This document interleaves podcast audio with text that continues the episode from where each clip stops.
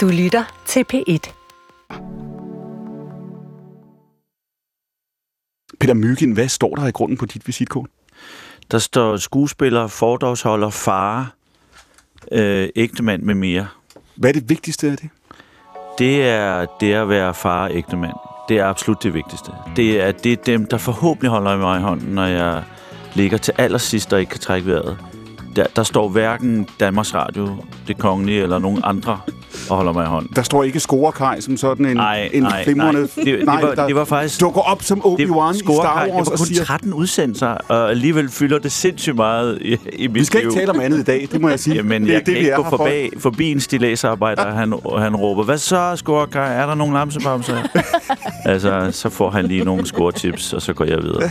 Han skal jo dele ud af sin viden.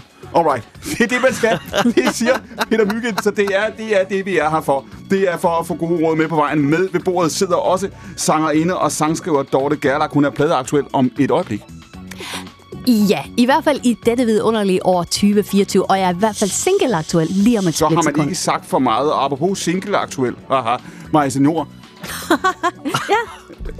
Øh, Hvad står der på dit visitkort? Jamen, på min Instagram, der står journalist, forfatter og fandango-spiller. Og du har, du har fortrudt, at du er blevet journalist, er det rigtigt? Nej, jeg kan godt...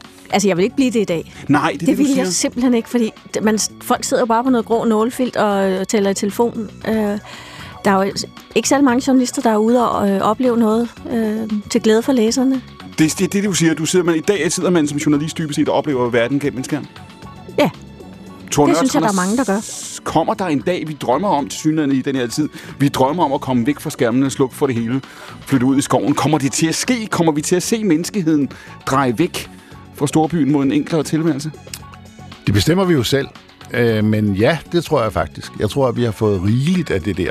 Det siger Thor Nørretranders. Det er, mine damer og herrer, stafetten på P1.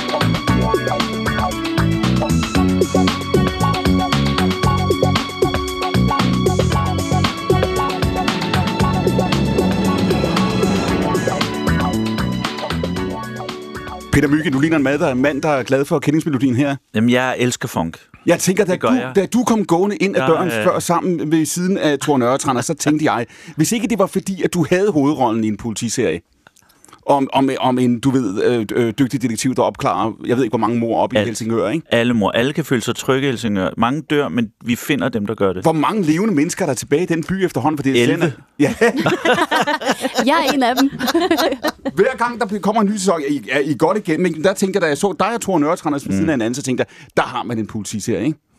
Er jeg så forbryderen? Nej, nej, nej, nej, det ved jeg ikke. Det, det, det svar siger mere om dig, tror jeg. End, end, nej, jeg tænkte, at du er ligesom den lidt mere erfarne øh, politimand, der næsten er gået på pension, ikke? Ah, og sidder og kigger på en skærm og udsteder ordre. Så er, er Myggen, Peter, så du er ham, der er kommet over fra, for at få sat skik på det, ikke? Og få, få implementeret og effektiviseret den... Øh.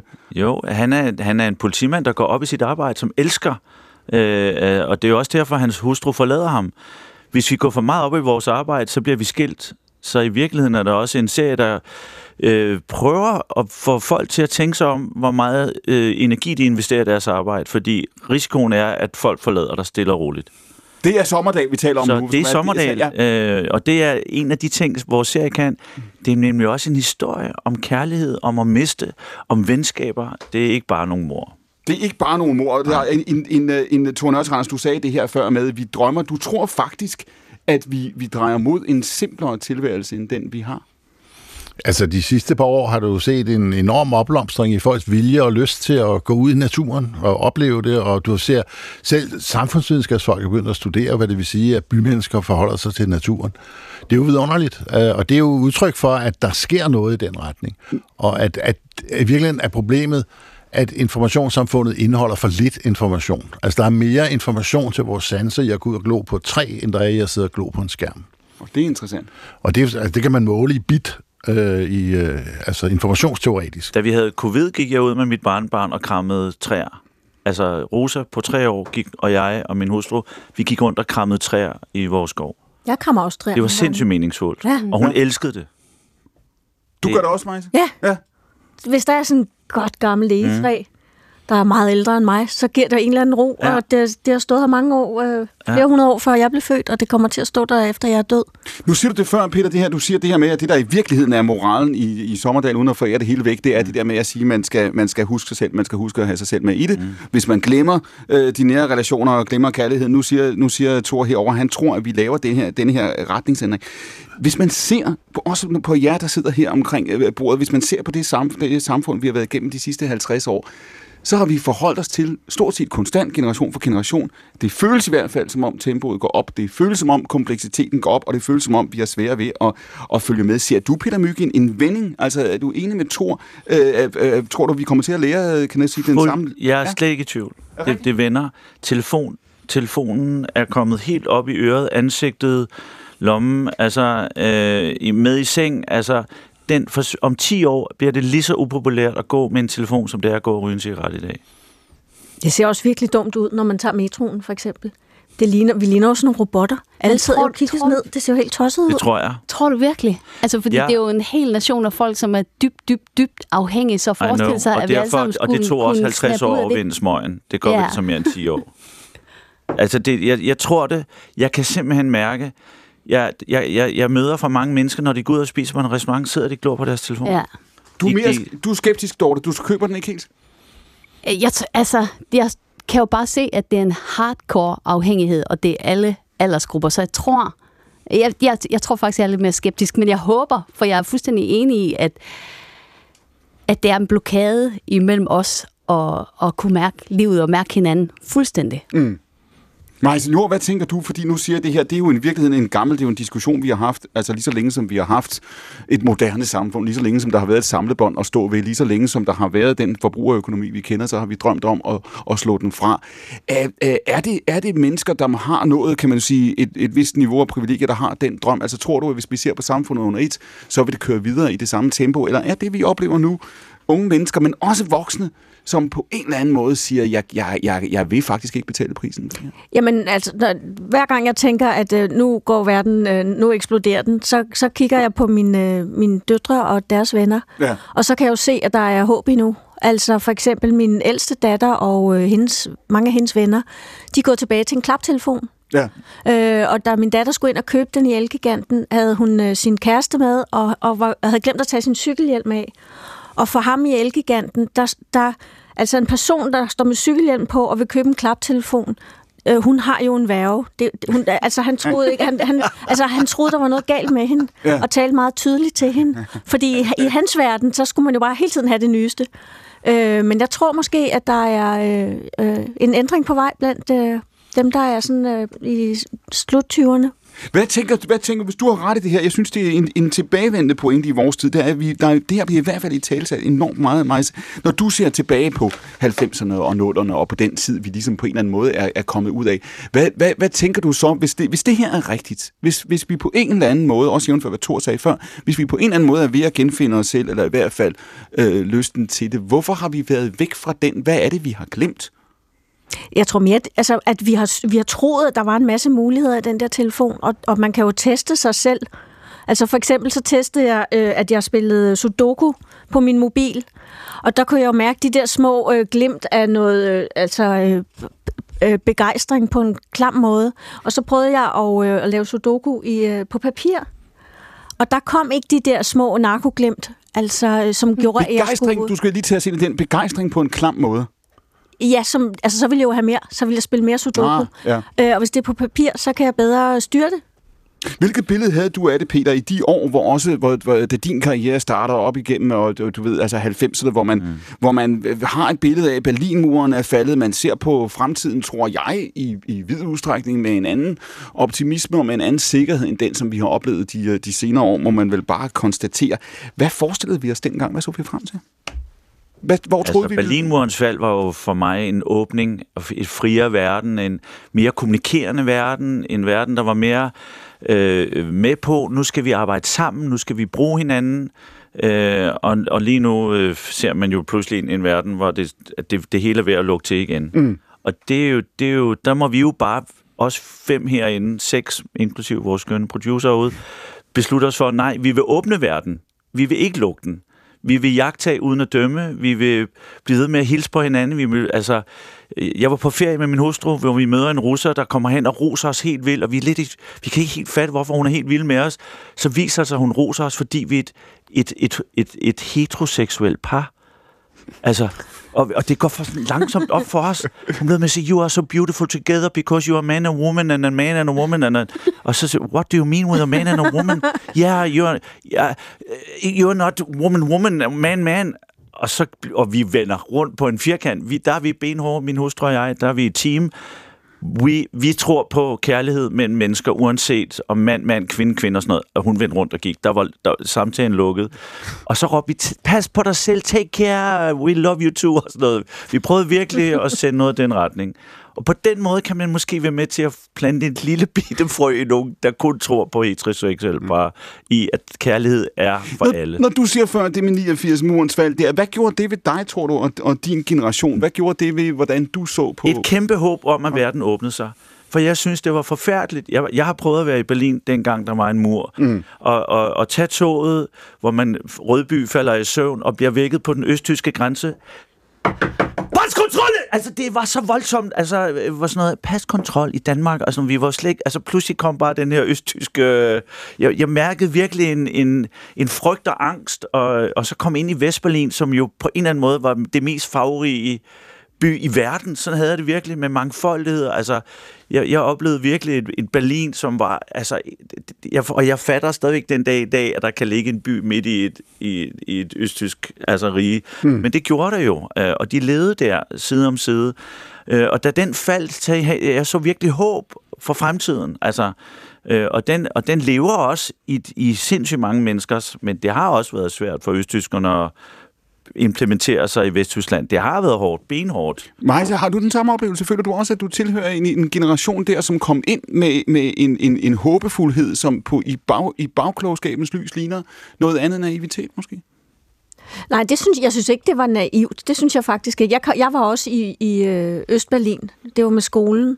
Og jeg kan huske den der, øh, at det var nærmest øh, dunjakkeskam, ikke? Vi sad der... i vores- Dunjakkeskam? Vi sad der med, vores Åh, det er et godt udtryk. jakker i øh, sådan et skriggrøn og ja. knaldgul og varme jakker, og så kom vi øh, stod vi pludselig med over for nogle unge på vores egen alder, altså, og de havde sgu ikke lige det tøj.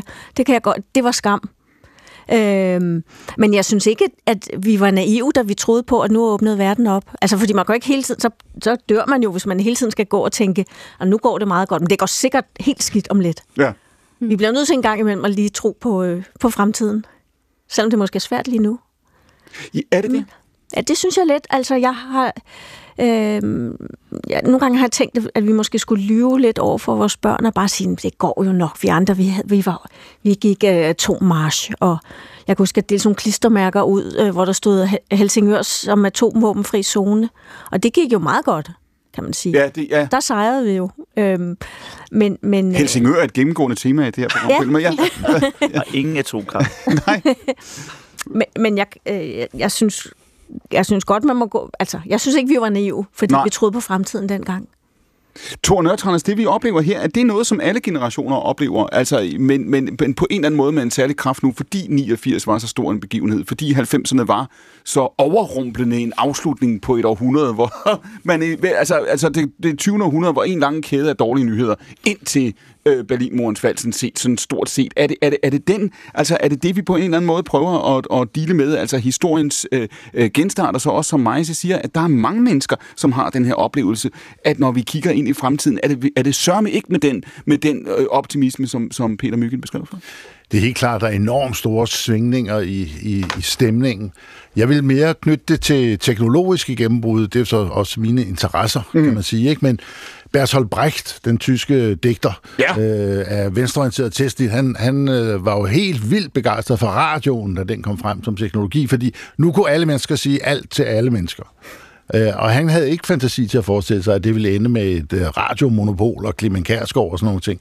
Han troede virkelig, at nu kom demokratiet på teknologisk basis. Nej, ja. Det samme troede vi i 90'erne. Nu kommer internettet, alle mennesker kan sige alt til alle andre mennesker.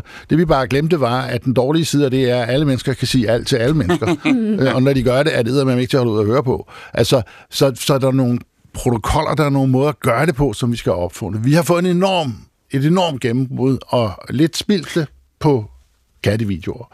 Øh, og det, det er jo ikke et spørgsmål om, at teknologien er dum, eller magthaverne er dumme. Det er et spørgsmål om, at vi er idioter. Vi bruger ikke de chancer, vi får. Vi tager dem ikke. Og det er problemet, synes jeg. Og derfor, jeg synes ikke, det er naivt at sige, at vi var enormt optimistiske i 90'erne, men jeg synes, det er forstemmende at sige, at vi ikke tog den, og at vi i dag måske heller ikke rigtig er ydmyge nok over for det forhold, at vi, selvom verden åbnede sig, jo holdt nogen ude. Det er dem, som slår på os nu, som er sure på os nu, mm. som ikke blev integreret, som ikke fik lov at komme med, men som vi bare ignorerede, fordi nu er vi så fri. Så prøv at sige noget om det, du siger, teknologien i virkeligheden. Altså, vi bliver, vi bliver budt nogle vilkår, som vi ikke formår at gribe. Ja. De store teknologiske gennembrud er ofte en enorm chance for et demokrati. Men det er klart, at du kan jo ikke have demokrati, uden at det er et folk, der styrer. Det vil sige, at der skal være et folk, som tager den og siger, yes, mm. nu kan vi kommunikere på tværs af alle grænser. Øh, nu kan vi øh, få dem alle sammen med ind i flokken. Det gjorde vi jo ikke. Vi var jo enormt højrøvet. Og, og de mennesker, der virkelig er vrede nu, er jo mennesker, der føler sig holdt ud af vores samfund. Altså dem, som ikke lige kommer i radioen hele tiden. Mm. Eller de lande, som ikke følte, de fik lov at komme ind i klubben. Mm. Jeg tænker måske på Rusland der, for eksempel. Som man jo sagtens skulle have trukket meget mere ind og sagt, kom nu og vær med i stedet for bare at lade som om, at de var lidt underlige.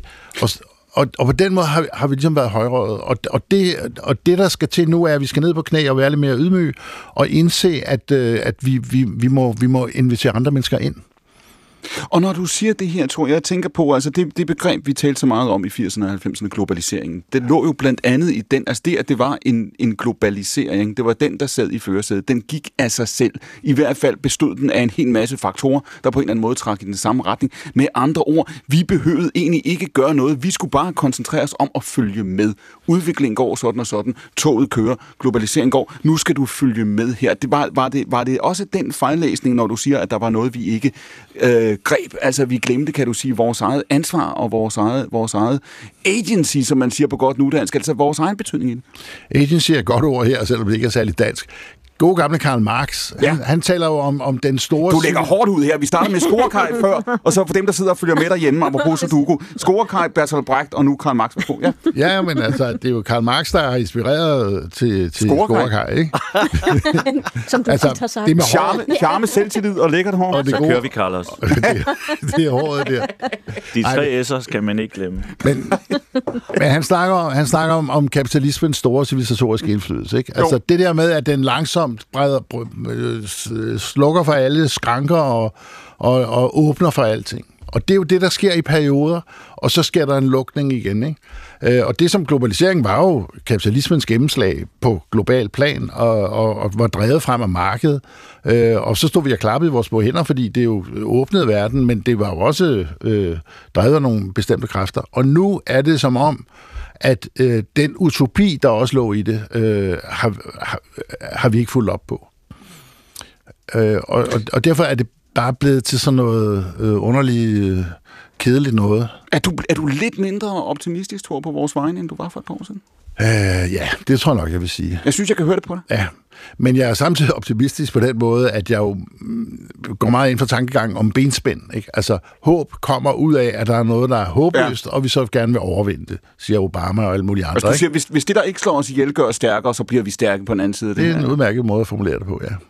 Dorte Galler, du er født i 1980. Da du var, apropos din nye sang, som vi skal høre om et øjeblik, da du var 18 år, hvordan så du på verden? Hvordan så du på fransk? Jamen, jeg, jeg var jo barn i 89, men det er noget af det, jeg husker meget tydeligt faktisk fra min opvækst. af nyhederne, det var meget sådan, om diktatorerne faldt, når Jega og Ceausescu og muren faldt. Altså, så det var helt klart en fornemmelse af, okay, men det her det er fremskridtet, og apartheid opløses, og alle the bad guys, det, det, det er nogen fra gamle dage, og nu, nu udrydder vi dem.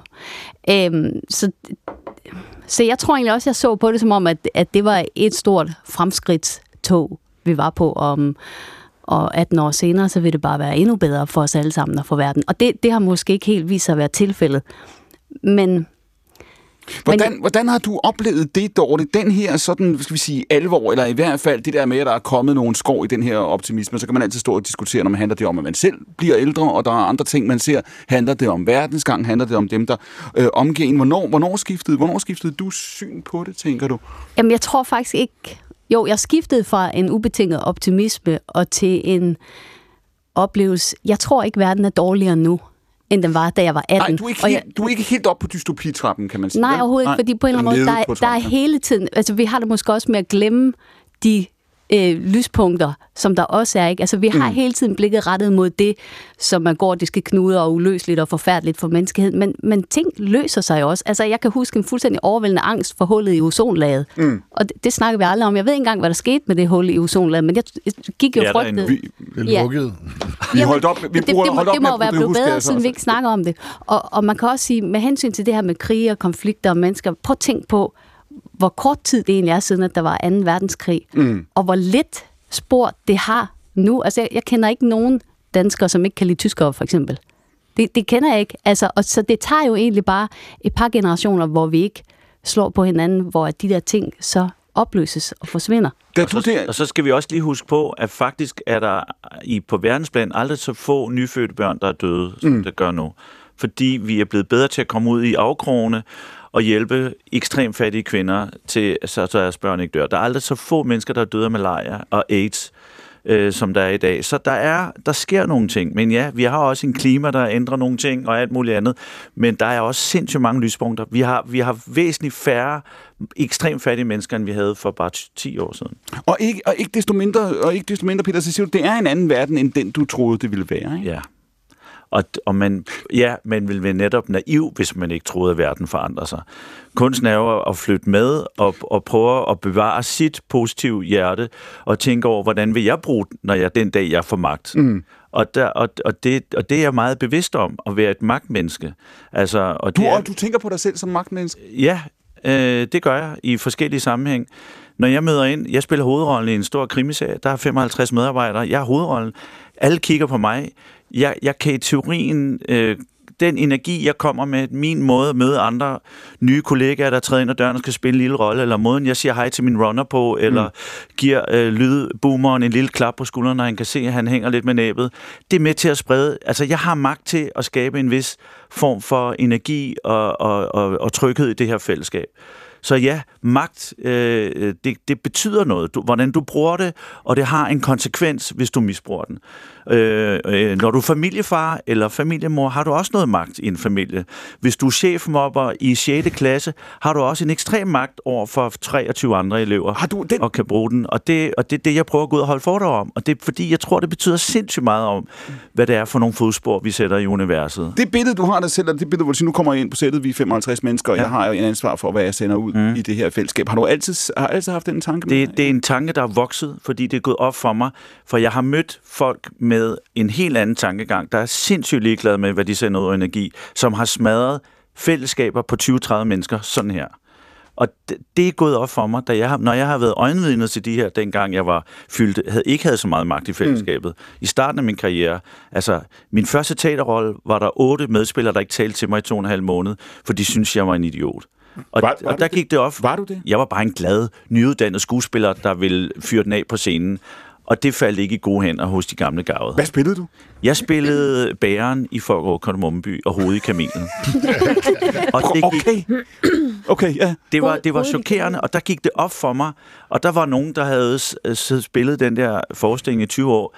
De talte ikke til mig, for de synes, at jeg kom der og var død irriterende. Du spillede- Og når jeg møder et død irriterende menneske, så vil jeg prøve at passe på det menneske, frem for at lukke af og ikke tale til Du vedkommende. spillede bæren og hovedet i kamelen. Ja, hovedet i kamelen. Jeg var trods alt ikke røven, det var der en anden, der gjorde. Ja, og det er så det næste spørgsmål. Hvem, var, hvem, hvem udgjorde resten af kamelen? Ja, det var der en ung mand, som havde været røv også forrige år, så jeg kan love dig for, at jeg tror mig godt af ham.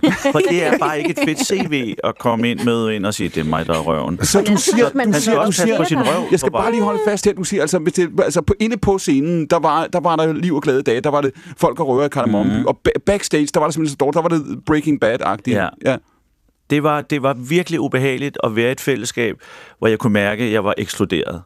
Og derfor, der, der startede min bevidsthed for alvor hvor, hvor, hvor, hvor, hvor ensom man kan føle sig i et Så arbejdsfællesskab. der, var en, der har du også haft en erkendelse af, at, at øh, det kan godt være, at du ikke... Du siger, at du var en glad dreng, der var kommet ud, du ville gerne vise, hvad du kunne, men du kunne godt se dig selv i Og måske for glad. Og det har det sikkert provokeret nogen. Han er alt for glad, alt for senliderlig. Det skal vi simpelthen Hvordan mærkede på. man det? Kan du se i retrospekt, hvad Er du sindssyg? Jeg havde mange idéer til både, hvordan jeg selv skulle spille, og de andre. Og det, og det, og det var jo bare begejstring for endelig at stå på en scene efter fire år inde i et lukket øllokale, hvor jeg bare havde stået og Så mærket du mine egne altså følelser. bageren, bageren i Folk og Røver, du blev mere jeg, og mere bageren. jeg tog et flyt med fra min mors teater, fordi jeg tænkte, han skulle slås med løven. Det var faldt godt nok ikke god jord. Og det er dem, vi skal lære at rumme. Det er dem, vi skal passe på. Så ja, Der er det- alt for mange, der er ensomme i arbejdsfællesskaber rundt omkring. Hvem spillede løven? Øh, løven aner det ikke. Ja, jeg har ikke set vedkommende før eller siden. Jeg tror ikke, det var en, der Nej, det var det med- en skuespilkarriere. det var det med det var nok en anden stakkels praktikant, der var banket ind i den løve. Det var det med Kamelen var trods alt lidt svær at styre, fordi der var både en pind og nogle snore til at styre øjnene, og jeg er jo vokset op på Jydabstrøm Teater, så jeg kan godt styre en håndduk eller to. Maja Signor? Jamen, det man skal huske, øh, når du taler om det der med mobning, for eksempel, det Jeg er er... meget spændt på, hvilken del af den anekdote, du nu griber fat i. Ja, jamen, jamen, jeg tænker bare, når, når Peter fortæller, at man skal huske, at empati kan du ikke lære som voksen, vil jeg påstå. Altså, du kan ikke beslutte dig for at gå til, for, til empati på aftenskole. Det er noget, børn skal lære. Øh, og det er ikke alle forældre, der måske er opmærksom på det, eller også er de skidelige glade. Det har jeg også oplevet nogle forældre være øh, øh, i klasserne, hvor mine børn har gået. Øh, så så øh, det, jeg siger ikke, at skolen skal øh, overtage alt ansvar, men lige på det her punkt, så er det måske ikke så tosset, at man øh, lærer øh, empati i skolen, fordi så kan man være så heldig, at man får alle med. Men hvis du har, hvis du har ret i det, Majse, fordi vi lever godt nok i en tid lige nu, hvor jeg skal hilse og sige, at der er meget fokus på selvudvikling og selvhjælp og coaching og ting og sager. Hvis, du, hvis, man, hvis man virkelig lægger det til grund, du lige har sagt, at det skal ske tidligere, hvad så? Hvad siger det for alle vores forsøg på at blive bedre mennesker den alder, vi nu har? Jamen, jeg kan huske, for eksempel, jeg, havde, jeg var så heldig at have som øh, biologilærer i folkeskolen, der havde jeg øh, Liberkind, som var søn af den gamle Dr. Liberkind, som nogen kan huske fra, øh, fra øh, ja. tv. Og han sagde, at øh, det er en del af børns udvikling at være onde mod, altså lave den der med at pille øh, vingerne af fluer, Ja. eller pille øh, halvdelen af benene af æderkopper, eller sådan noget. Fordi så opdager de deres magt, og så opdager de, at øh, hvis du har magt, så skal du faktisk også have empati over for dem, der er sværere end dig selv. Mm. Så han lod os sådan set øh, molestrere alle de der insekter, øh, fordi han regnede med, at vi så blev en lille smule øh, bedre mennesker, når vi bliver ældre. Bare for at sige det der med, at det er jo ikke alle forældre, øh, der, der synes, at det er vigtigt at have empati over for andre mennesker. Mm. Men vi får et bedre samfund, hvis alle børn lærer det. Vi oplevede, da Julius var ung, at der var ting, der gik galt i vores øh, empatiafdeling øh, med vores store søn, så han røg, faldt ned i nogle huller. Ting, der gik galt i jeres empati Ja. det. Jamen, du tror, du, du tror, du har indfølelseevne og mærker, hvor dit barn er, Ja. og finder ud af, at du har ingen anelse om, hvor vedkommende er. Og det fandt vi ud af lidt sent, Lisa og jeg. Og der var han allerede faldet i den store hashband og cokespand. Øh, øh, og heldigvis, efter nogle år, hvor vi blev ved med bare stå og gribe ham og gribe ham, øh, tog han imod hjælp. Men det tog nogle år. Og der er masser af forældre, der tror, at de har styr og ved, hvor deres børn er, og de aner ikke, hvor de er. Fordi øh, vi kan ikke gøre andet end at give dem kærlighed og være til stede, og alligevel går det galt. Altså, der har været et punkt, hvor I har sagt, vi har ikke, i stedet for at sige, at vi har gjort det så godt, vi kunne, eller vi har gjort alt det, det er ikke vores skyld, så, har, så hvor, hvor kommer det, hvor sætter erkendelsen ind? Men det er jo fordi, vi, vi så vores barn på en måde, og nu står han til et foredrag ved siden af mig, og jeg fortæller, I så, jeg var slet ikke det menneske, I så. Og, at vi, vi, vi, vi, og, vi, og min hustru er altså kan med i dansk psykologi og kommunikation, og jeg føler selv, at jeg er relativt god til at, at mærke og føle andre. Det er ret vildt, at du kan stå 6,5 cm fra et menneske, som er kommet ud af min hustru, og alligevel anede vi ikke, hvor han var henne. Og det er en erkendelse, som både var sorgfuld, men det skabte også en energi, så nu tager vi rundt og holder foredrag om det. Og Julie sig selv ind med at blive coach for unge og hjælpe, hjælpe unge med angst og angst. Så, det, så nogle gange kan man tage sin egen lort. Det er jo noget, altså vi har en sætning imod os også, gaven i lorten. Og jeg synes, det er dybt interessant. Gaven i lort, der er tit og ofte en, en ret interessant energi, ligesom når du, Thor, snakker om, om håbløshed og håb. Det der med, altså det kan være en kæmpe drivkraft, når du ryger ned i et kæmpe hul. Og, og min søns fald var blevet en drivkraft for mig, så jeg endte med også at tage ud på skole og holde foredrag om social ansvarlighed og mobning, i afmagt over, at jeg ikke kunne redde min egen søn. Men han reddede sig selv, fordi han tog mod hjælp. Og det skal vi også lære vores børn, at turde række ud og bede om hjælp. Hvad, hvad gjorde du galt? Hvad skulle du have gjort? Ja, det er, det er det store spørgsmål. Jeg skulle måske ikke have stolet så meget på min egen intuition. Øh, grebet ham på nogle andre tidspunkter end der, hvor jeg troede, nu skal vi sidde og have den store samtale. Det er ikke der, børn gider snakke. Du kan ikke banke på døren og sige, nu skal vi have den store samtale. Øh, og det var det, vi gjorde. Og, og der kom ikke de store samtaler. Jeg skulle have taget dem på andre tidspunkter. Jeg var så også til rådighed 24-7 øh, og hente ham og bragte ham, når han faldt om og alt muligt. Men måske er der også et problem i det her med, med, med, med teenager og forældre, som handler om, at forældrene ikke anerkender, at teenager er udforskere af livet, øh, og vi har sindssygt meget brug for, at de er møgbesværlige, og at de laver om på ting og stiller spørgsmål ved alt muligt, og slet ikke kører vores dagsorden, og slet ikke kører vores forsøg på at gå ind på mm. børneværelset og sige, nu skal vi lige tale sammen osv. Øh, det er jo det, de er der for, hvis du ser sådan biologisk på det. Jeg har mere ved at lægge sidste hånd på en bog, der hedder NONF, som handler om, øh, hvad skal nonfirmanter vide, når de nu ikke får nogen... Altså N-O-N-F. Ja, non nonfirmant. ja. Altså konfirmanterne, de får jo en eller anden øh, statsligt betalt person, der står og fortæller dem, hvordan alting er indrettet, ikke? Altså, hvor herre? Er det hvor herre, du refererer til som en det er snarere præsten, ikke? I konfirmationsundervisning. Okay. Ja. Men, men hvad skal de stakkels nonfirmanter? Det er alligevel en tredjedel af en ungdomsårgang. Hvad skal de? Ja. Hvad skal de gribe i? Og derfor bogen Nonf, som kommer til marts. Og, og noget af det, jeg lærte af at, at, at arbejde med den bog, som virkelig overrasker mig, det er, at, at puberteten er selvfølgelig biologisk dybt meningsfuld. Altså, menneskeheden har brug for, ligesom spædbørn skal være besværlige, fordi de skal lære så meget, så skal pubertetsbørn være besværlige, fordi de skal lære så meget. Og vi tror, eller jeg tror, øh, at det handler om, når man har pubertetsbørn, så ligesom at få dem normaliseret, og kan vi ikke dæmpe gemytterne lidt, og kan vi ikke undgå de værste idiotier og sådan noget videre. Men i virkeligheden er det jo en udforskning af, af tilværelsen, som der er brug for, og hvor spædbarnet søger forældrens kærlighed som mm. trøst, så søger teenageren andre teenagers kærlighed som trøst, så og, hvis man... vi, og vi ikke øh, hører på forældrene. Og det skal man også som forældre jo erkende. Ja, og acceptere ja. og rumme og sige, der er en mening med det her. Det er ikke bare øh, besværligt. Hvad ligger der, ligger der i det, det er virkelig et spørgsmål til jer begge to, ligger der i det, hvis man havde billedet for, altså et par, nu er det så efterhånden nogle generationer tilbage at sige, det var en streng opdragelse, og man der var kæft retning og så videre, det har vi så taget et jo altså snart, altså et, det er jo snart 50 år, kan man sige, hvor de der normer har været under angreb, Tor. Har der, har der været nogle forældregenerationer her, der har tænkt, nu er det opgør taget, nu, nu, nu kommunikerer vi anderledes, nu er vi anderledes følelsesmæssigt til stede, og så bliver alt godt? Nej, altså det, som jeg tror, vi alle sammen har svært ved at, at fatte, det er den der forandringshastighed, som du også talte om tidligere. Mm. Altså, hvor for 3-4 generationer siden kunne man jo lære det hele af sine forældre dybest set.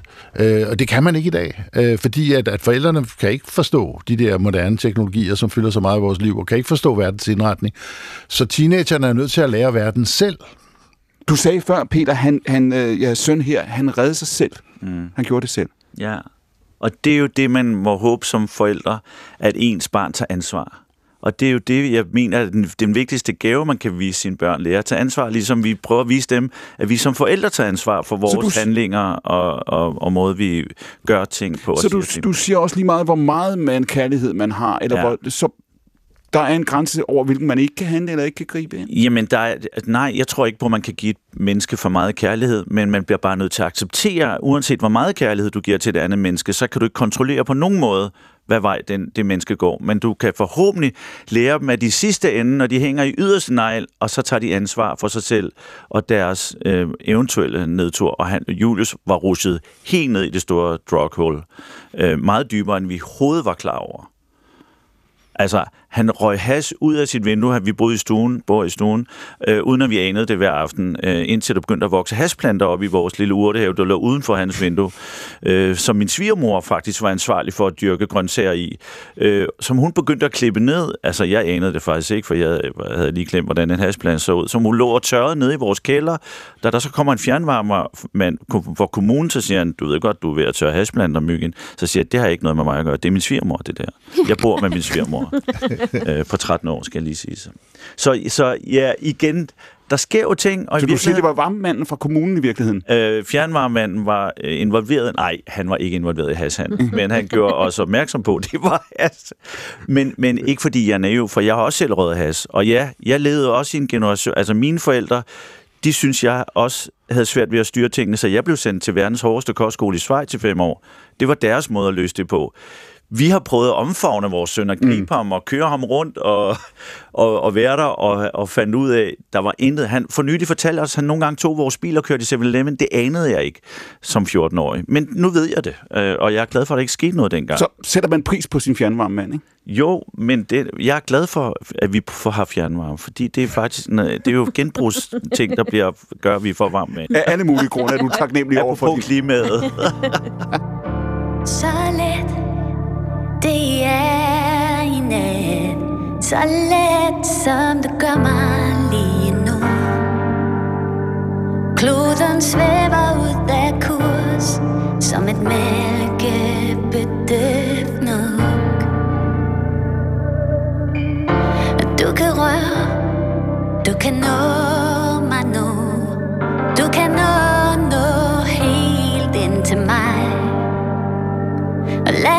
stjernehimlen stå Lad morgendagen bøje sig.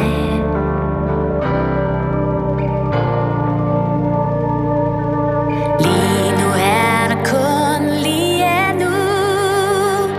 Jeg lukker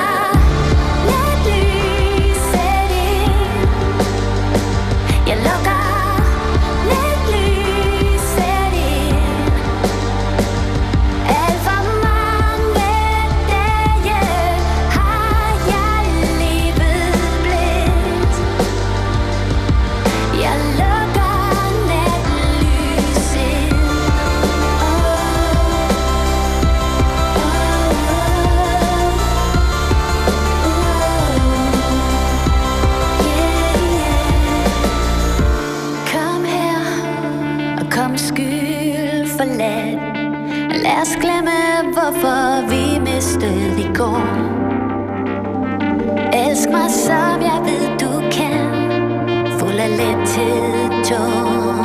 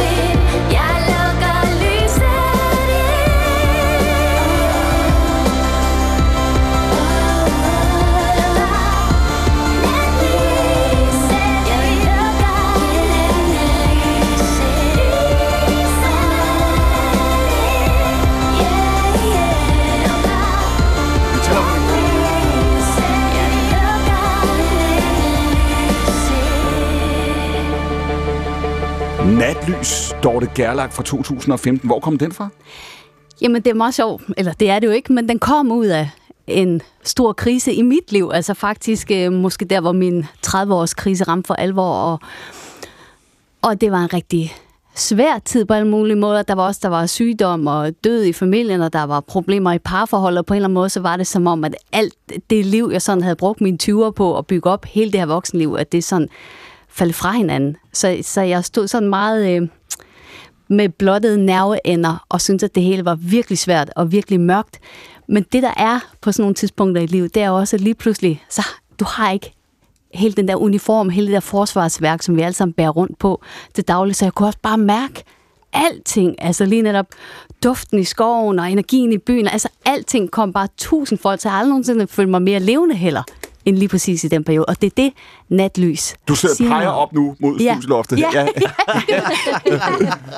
Men det er det der, den, den Hvad kontakt hvad- med livet, som vi kun kan få også, når vi nogle gange bliver skrællet helt fra hinanden. Fordi at ellers så bliver vi bare sådan nogle Lego-uniformsmennesker, som afvikler vores tilværelse. Mærk verden, som der var en, der engang sagde, ikke, Thor? Præcis. Præcis. Hvad havde det, når du ser en ord natlys, hvad ser du for dig? Nu, hvor, hvor kom det før resten af sangen, i sangen? Hvordan, hvad startede? Det kom ret hurtigt, men det både, altså, der findes jo både den blomst, der hedder natlys, mm. som åbner sig om natten, og alle andre blomster lukker sig. Og, men det er også det der, altså helt for mig konkrete med at, at se den energi og det lys, der er i mørket, og som du kan få fordelen af, hvis du tør at være i det mørke, gå ind i det, i alt det, der er svært. Og hvor, hvor meget af den følelse har du, når du begynder at skrive sangen? Hvad er det første, du har til den? Hvordan starter den? det, det, det er faktisk tit for mig, så starter det med første linje i første vers. Og så er det lidt ligesom, okay, her er en eller anden tråd. Jeg prøver bare at følge med. Og, og det er jo meget forskelligt, hvordan folk arbejder. Nogle laver al musikken, og så teksten bagefter, og nogen skriver omkvædet først. For mig er det sådan, okay, der er noget her. Vi starter i første vers, og så kommer det egentlig en linje ad gangen. Så kan det tage mig nogle gange en halv time, nogle gange månedsvis at skrive en sang. Og hvor meget havde du af den følelse, du lige beskriver nu? Hvor meget vidste du, da du begynder, og da du begynder at skrive sangen? Hvor meget har du den følelse, eller den, den, det håb, som den jo indeholder? den har jeg 100%. Jeg ved på en eller anden måde, hvad det er, jeg gerne vil fortælle, eller hvad det er, jeg føler indeni. Jeg ved bare ikke helt, hvordan jeg skal få det sagt endnu. Og det er det, der ligesom så bliver stavet frem, mens jeg sidder for mig selv med, med et keyboard. Så let det er i nat. Så let, som du gør mig lige nu. Kloden svæver ud af kurs, som en mælkebøtte fnuk. Der tænker du, så der er noget her, tænker du. Ja, og, og det der med, altså du ved, øh, Brun lige en omkvædet siger, lige nu er der kun lige nu. Mm. Og det er egentlig ret sjældent i vores liv, at vi kan være et sted, hvor der kun er lige nu, fordi vi har hele tiden tusind dagsordner, og den der øh, konfirmation i næste måned, eller mit arbejdsliv. og- Altså, der er hele tiden tusind ting, der kører, så det der med at være i stand til at være kun lige her, lige nu, det er jo det, en, jo en live-koncert også kan, når den er magisk. Altså faktisk, det er noget sjovt nok, det der med stemmer også. Ikke? Jeg, jeg synes jo, apropos teknologi, at der kan være noget farligt i også. At nu er autotune, det fandtes jo ikke for 20 år siden, da Nej. jeg startede ud. Men nu er det sådan en helt integreret ting, og mange bruger det, når de indspiller, og, og det er alle genrer. Det er jo ikke kun i popmusik, det er også i country og jazz og i heavy metal. Og selve det der med, at stemmerne bliver udlignet, og alt det, der skuer lidt, og alt det, der ikke er helt rent, at det forsvinder, det tror jeg faktisk, at vi måske vil se en effekt af om 20 år, når vi ikke længere hører musik, sådan som mennesker synger mm. i virkeligheden. Fordi mm. der er noget, en eller anden urkraft i en stemme, som ikke stemmer helt, fordi det er der ingen stemmer, der gør. Øhm, ja. Thor? Jamen, det handler jo om, at, at hvad, forskellen på, hvad er det, der siges, og hvordan det siges. Jeg havde meget store problemer med at forstå, hvad musik var i virkelig mange år. Fordi jeg hele tiden troede, det var, hvordan det siges, der var det interessante. Men det handler jo om, hvad der siges. Du sidder med en følelse, du har lyst til at dele med mig. Mm. Det udtrykker du gennem musik, og den musik vækker den følelse i mig, som er i dig. Og det er sådan set det, der er det interessante. Mennesker, der transporterer følelser Præcis. til hinanden. Hvad, hvad, hvad var det, du gjorde forkert med? Du så på musikken som hvad? Som en form for matematik? Eller som en... Nej, mere som, at der, der var, måtte være en eller anden hemmelighed. Der måtte være en eller anden øh, æstetik i den måde, man satte noderne sammen på, som, som var det, der var det egentlige med musikken. Aha. Det var, det var min øh, desværre nu afdøde øh, gode ven Peter Bastian, som var musiker, som skrev en bog, der hed Ind i musikken i 1987, Ja. hvor han gjorde opmærksom på det her, at det er simpelthen, det handler om at flytte følelser fra et menneske til et andet. Og det Ja. er det, musikken skal kunne. Og så, kan det, og så er alt det der, om, om stemmen er lidt skæv, eller om der rømmes, eller om der gøres tilløb til at sige noget, og, og, og så videre. Fint nok, fordi det handler om, hvad man flytter. Øh, og og, og, og, det, det, er, det er noget, vi tit har svært ved at forstå, både ved musik, men i øvrigt så også ved teknologi. Er det, ikke en, er det en ting, vi ruller rundt med generelt i øjeblikket, Dorte? Tænker du også det i forhold til, i forhold til, til musikkunst i det hele taget, at vi måske lige i de her år forveksler lidt dygtighed med alt muligt andet, eller, eller på en eller anden måde, at der er, fordi det, som Thor siger her, det er, at han siger, at det handler om at flytte følelser. Jamen, det, det er jo fuldstændig korrekt. Det er det, det gør. Det er også derfor, at musik er den mest umiddelbare transportform, måske af alle kunstformer, i forhold til Mm. at læse en bog eller se et billede. Altså det der med, nogle gange så bliver vi jo overmandet af en sang, selvom vi slet ikke ville eller var forberedt på det. Altså, musik er så altså, indgribende.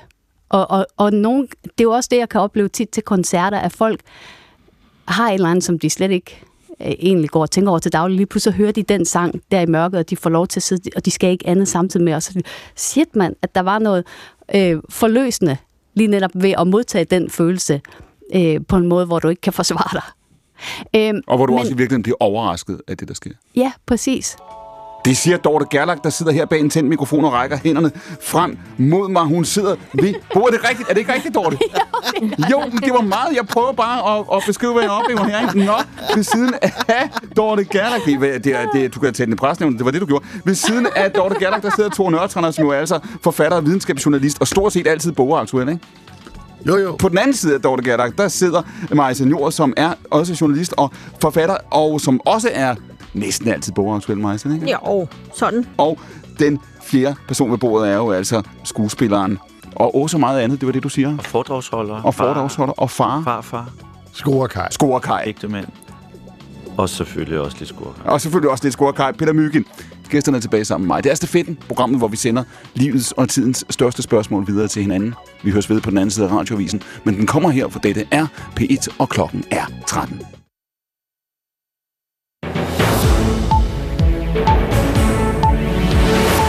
Hvis du er mere end 18 år på banen, skal du helt automatisk være tilmeldt som organdonor. Det mener regeringen, der vil vende systemet på hovedet, så de, der ikke vil donere aktivt, skal vælge det fra. Forslaget møder kritik fra læger og eksperter, der ikke tror på, at formodet samtykke til donation har nogen som helst effekt. Men det tager sundhedsminister Sofie Løde ganske roligt. Det er ikke nogen hemmelighed, at der er forskellige holdninger blandt øh, læger til det her spørgsmål i forhold til, hvilken effekt øh, det vil have. Øh, det, der er vigtigt at slå fast, det er, at hvis vi kigger ud i Europa, så har de lande, der har indført en blød model for aktivt frivalg, de har et større donorpotentiale, end vi har i Danmark. Men selvom donorpotentialet, som Sofie Løde kalder det, bliver større, hvis alle automatisk er tilmeldt, er det slet ikke ensbetydende med, at det også ender med, at der bliver doneret flere organer. Det er nemlig de pårørende, der skal komme med den endelige godkendelse.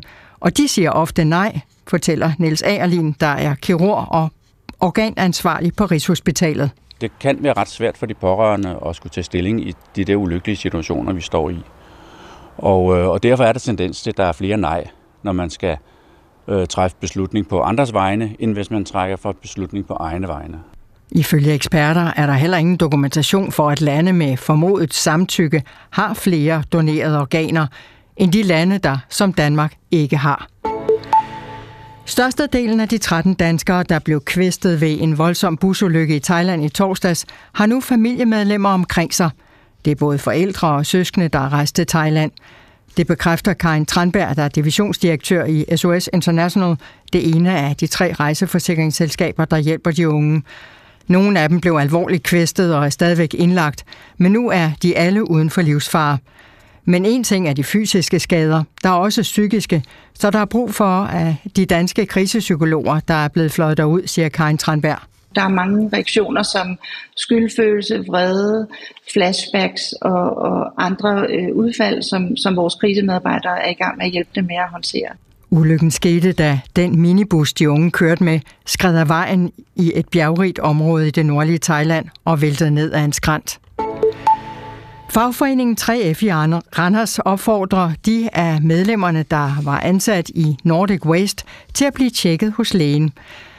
Det har vi, fordi de har arbejdet med mikrofiller, som kan give en masse støv, der kan påvirke øjne og luftveje og give allergiske reaktioner, siger formand Gitte Færgemand.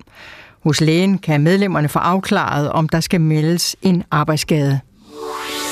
Så er vi nået frem til en vejrudsigt, og i dag er det både skyet og diset med lidt regn, slud eller måske tøsne i nogle steder, mellem frysepunktet og 5 graders varme og lidt til frisk vind fra øst. Dorte Gerlach, jeg har bygget en tidsmaskine. Uh. Du får lov at låne den. Hvor tager vi hen? Jamen, jeg tror faktisk, jeg tager tilbage i tiden. Nu har jeg altid som udgangspunkt været ret uinteresseret i de gamle i min families historie, men det er sådan noget, der begynder at interessere mig Men nu, hvor du sidder ved bord ved siden af Thor Nørretrand og så Peter Myggen, så tænker du, Nej, men jeg, jeg, tror, jeg tror snart, det er sådan en voksenhedsting, men jeg kunne godt tænke mig at tage tilbage til S. Bønderup en majaften i 1945, for der er min farfar. hvad laver han der? Før eller efter 4. maj. Det er 4. maj, og han er, han er, han arbejder på en gård i Esbønderup. Han er ellers fra Esrum, og alle de unge mødes i et menighedshus. Det må de jo ellers ikke. Og så hører de radio og hører den her meddelelse om, at, at tyskerne har trukket sig, og, og vi er frie. Og han siger, de strømmer ud på gaden, alle de her unge mennesker, og de, og de fester hele natten, og der er to spillemænd i byen, der spiller harmonika, og de spiller alle de sange, de kan, og verden åbner sig fra at have været fuld af bekymring og begrænsninger, at han står der 14-15 år gammel og kan se, at der er lys og håb og muligheder og en helt anden livsbane. Natlys. Wow. Det er med, hvis det var en quiz, så havde du vundet, Dorte. Okay. Det er et godt svar. Det siger Dorte Gerlach, som er sanger og sangskriver ved bordet, sidder også skuespiller og så meget andet. Peter Myggen, Majsen journalist og forfatter, og Thor Nørretrander, som lige om et øjeblik er aktuel med en bog henvendt til nonferne. Sig lige igen, Thor, hvem er det, nonferne er? Det er nonfirmanterne. Altså dem, der ikke vil konfirmeres, det er en tredjedel af hver ungdomsårgang, vil ikke konfirmeres, men bliver så, no- men bliver så for nogle af dem vedkommende non-firmeret. Og du sagde jo før radiovisen, i virkeligheden er vi der, hvor vi kan ikke bare lære, hvad vi skal bruge af vores forældre. Vi, kan ikke, vi er nødt til at gøre noget andet, altså. Ja, altså, øh, hvad hedder det, pubertetsbørn, eller hvad man nu vil kalde dem, øh, teenager, Ja. øh, er nødt til at lære af andre teenager. Øh, dels fordi verden udvikler sig så hurtigt, så forældrene ved ikke rigtig, hvad der foregår, og dels også fordi det rent biologisk er indbygget, at det er der, man får sin bekræftelse, for det er dem, man skal parre sig med, hvis vi skal være meget firkantede. Vi er tilbage i studiet i stafetten. Det er programmet, hvor vi sender livets og tidens største spørgsmål videre til hinanden. Det er program 1, og mit navn er Clemen Kærsgaard.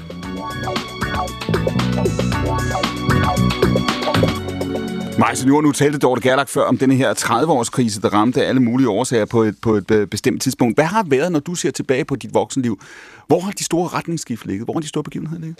Det har nok været, da jeg øh, fik børn, selvfølgelig. Det vil de fleste sige. Og da jeg blev skilt, og det gik op for mig, at alt det, man havde samlet til huse, det var skidelig meget. Altså alt det, man troede i 30'erne var vigtigt, at man skulle have matchende tallerkener, ellers så kunne ens venner ikke lide en, eller jeg ved ikke, hvad man forestillede sig. Altså og, og ligesom eksplodere alt det der, det var faktisk... Altså, jeg var meget ked af det over at blive skilt, men, men, men der var noget, der gik op for mig, som, som øh, øh, Myggen sagde tidligere, det der med at, at finde det, lykken i lorten, eller hvad han kaldede det. Gaven i Kaldte lorten. det. Gaven i Gaven i lorten. altså, så er der et eller andet i at opdage, at det, du troede var utrolig vigtigt, det er det måske ikke. Altså, alt det der samlen til huse. Når du siger samling ja. til huset, det du oplever ved din skilsmisse der, er det, er det kun de fysiske ting, eller er der, er der også noget figurativt i det, når du siger det, Maja? Altså, du har samlet noget sammen, som du opdager, du ikke har brug for? Ja, men altså, nu skal man passe på, med, hvad man siger i radioen, men jeg synes faktisk generelt, at folk i 30'erne, altså det er sådan et meget mærkeligt, det er en meget mærkelig alder at være i 30'erne, fordi de er tit meget ag- agerige. Ja. Altså, man skal have en karriere, man skal have nogle børn, man skal have en carport. Man fandme krav på en carport og et godt job og tre børn og sådan noget. Ikke? Altså, man tror at meget man skal have, og så, så synes jeg, det var rart at slippe over i 40'erne og tænke, "Mm, du kunne også prøve at give noget. Mm. Nu har jeg sikkert fornærmet alle, der var i 30'erne, men altså, jeg vil i hvert fald sige så på egne Altså, vegne, stat- sådan var statistik, jeg lidt. statistikken viser, at alle, der er i 40, næsten 100 procent, de har været i 30'erne på et eller andet Ja, tidspunkt. Jo, kan ja. sige. Men hvad hedder det? øhm, Så det er mange, du har lagt dig ud med. Ja. Men, det er også, men, men, men lad os lige prøve at holde fast i det. Du siger det her med, det kommer med, det kommer med, med skilsmissen. Hvad kommer, hvis der bliver øh, hvad hedder, klirret lidt i baggrunden, så er det fordi, vi er ved at række 10 krus rundt til hinanden her. Øhm, du siger det her. Hvad kommer først i virkeligheden, Maja, sige det her? Er det først Bønnen. en oplevelse? Ting, ja. Vi skåler. Hvad, er det, er det, hvad kommer først i det her? Er det skilsmissen, der kommer først, der giver dig den her oplevelse? Eller er det, er det altså, hvor- hvordan? Øh, Måske var det kommet på en anden måde. Mm. Øhm, det, det kan godt være, at det, at det øh, bare var det, der udløste det. Men jeg, jeg, bagefter har jeg tænkt, at det var en agerig tid. Når du siger, jeg starter med at spørge dig, hvad er de største begivenheder? Du nævner altså dine, dine børn, og så siger du det her med, med, med skilsmissen. Prøv at tage os lidt ind i det, fordi den... At Det det, jo- det har jeg rigtig meget lyst til. Fordi, nej, du, vi har så mange, vi har alle mulige andre begivenheder i vores tilværelse. En dåb, og et bryllup, og en konfirmation, eller en non-firmation, som Thor talte om før.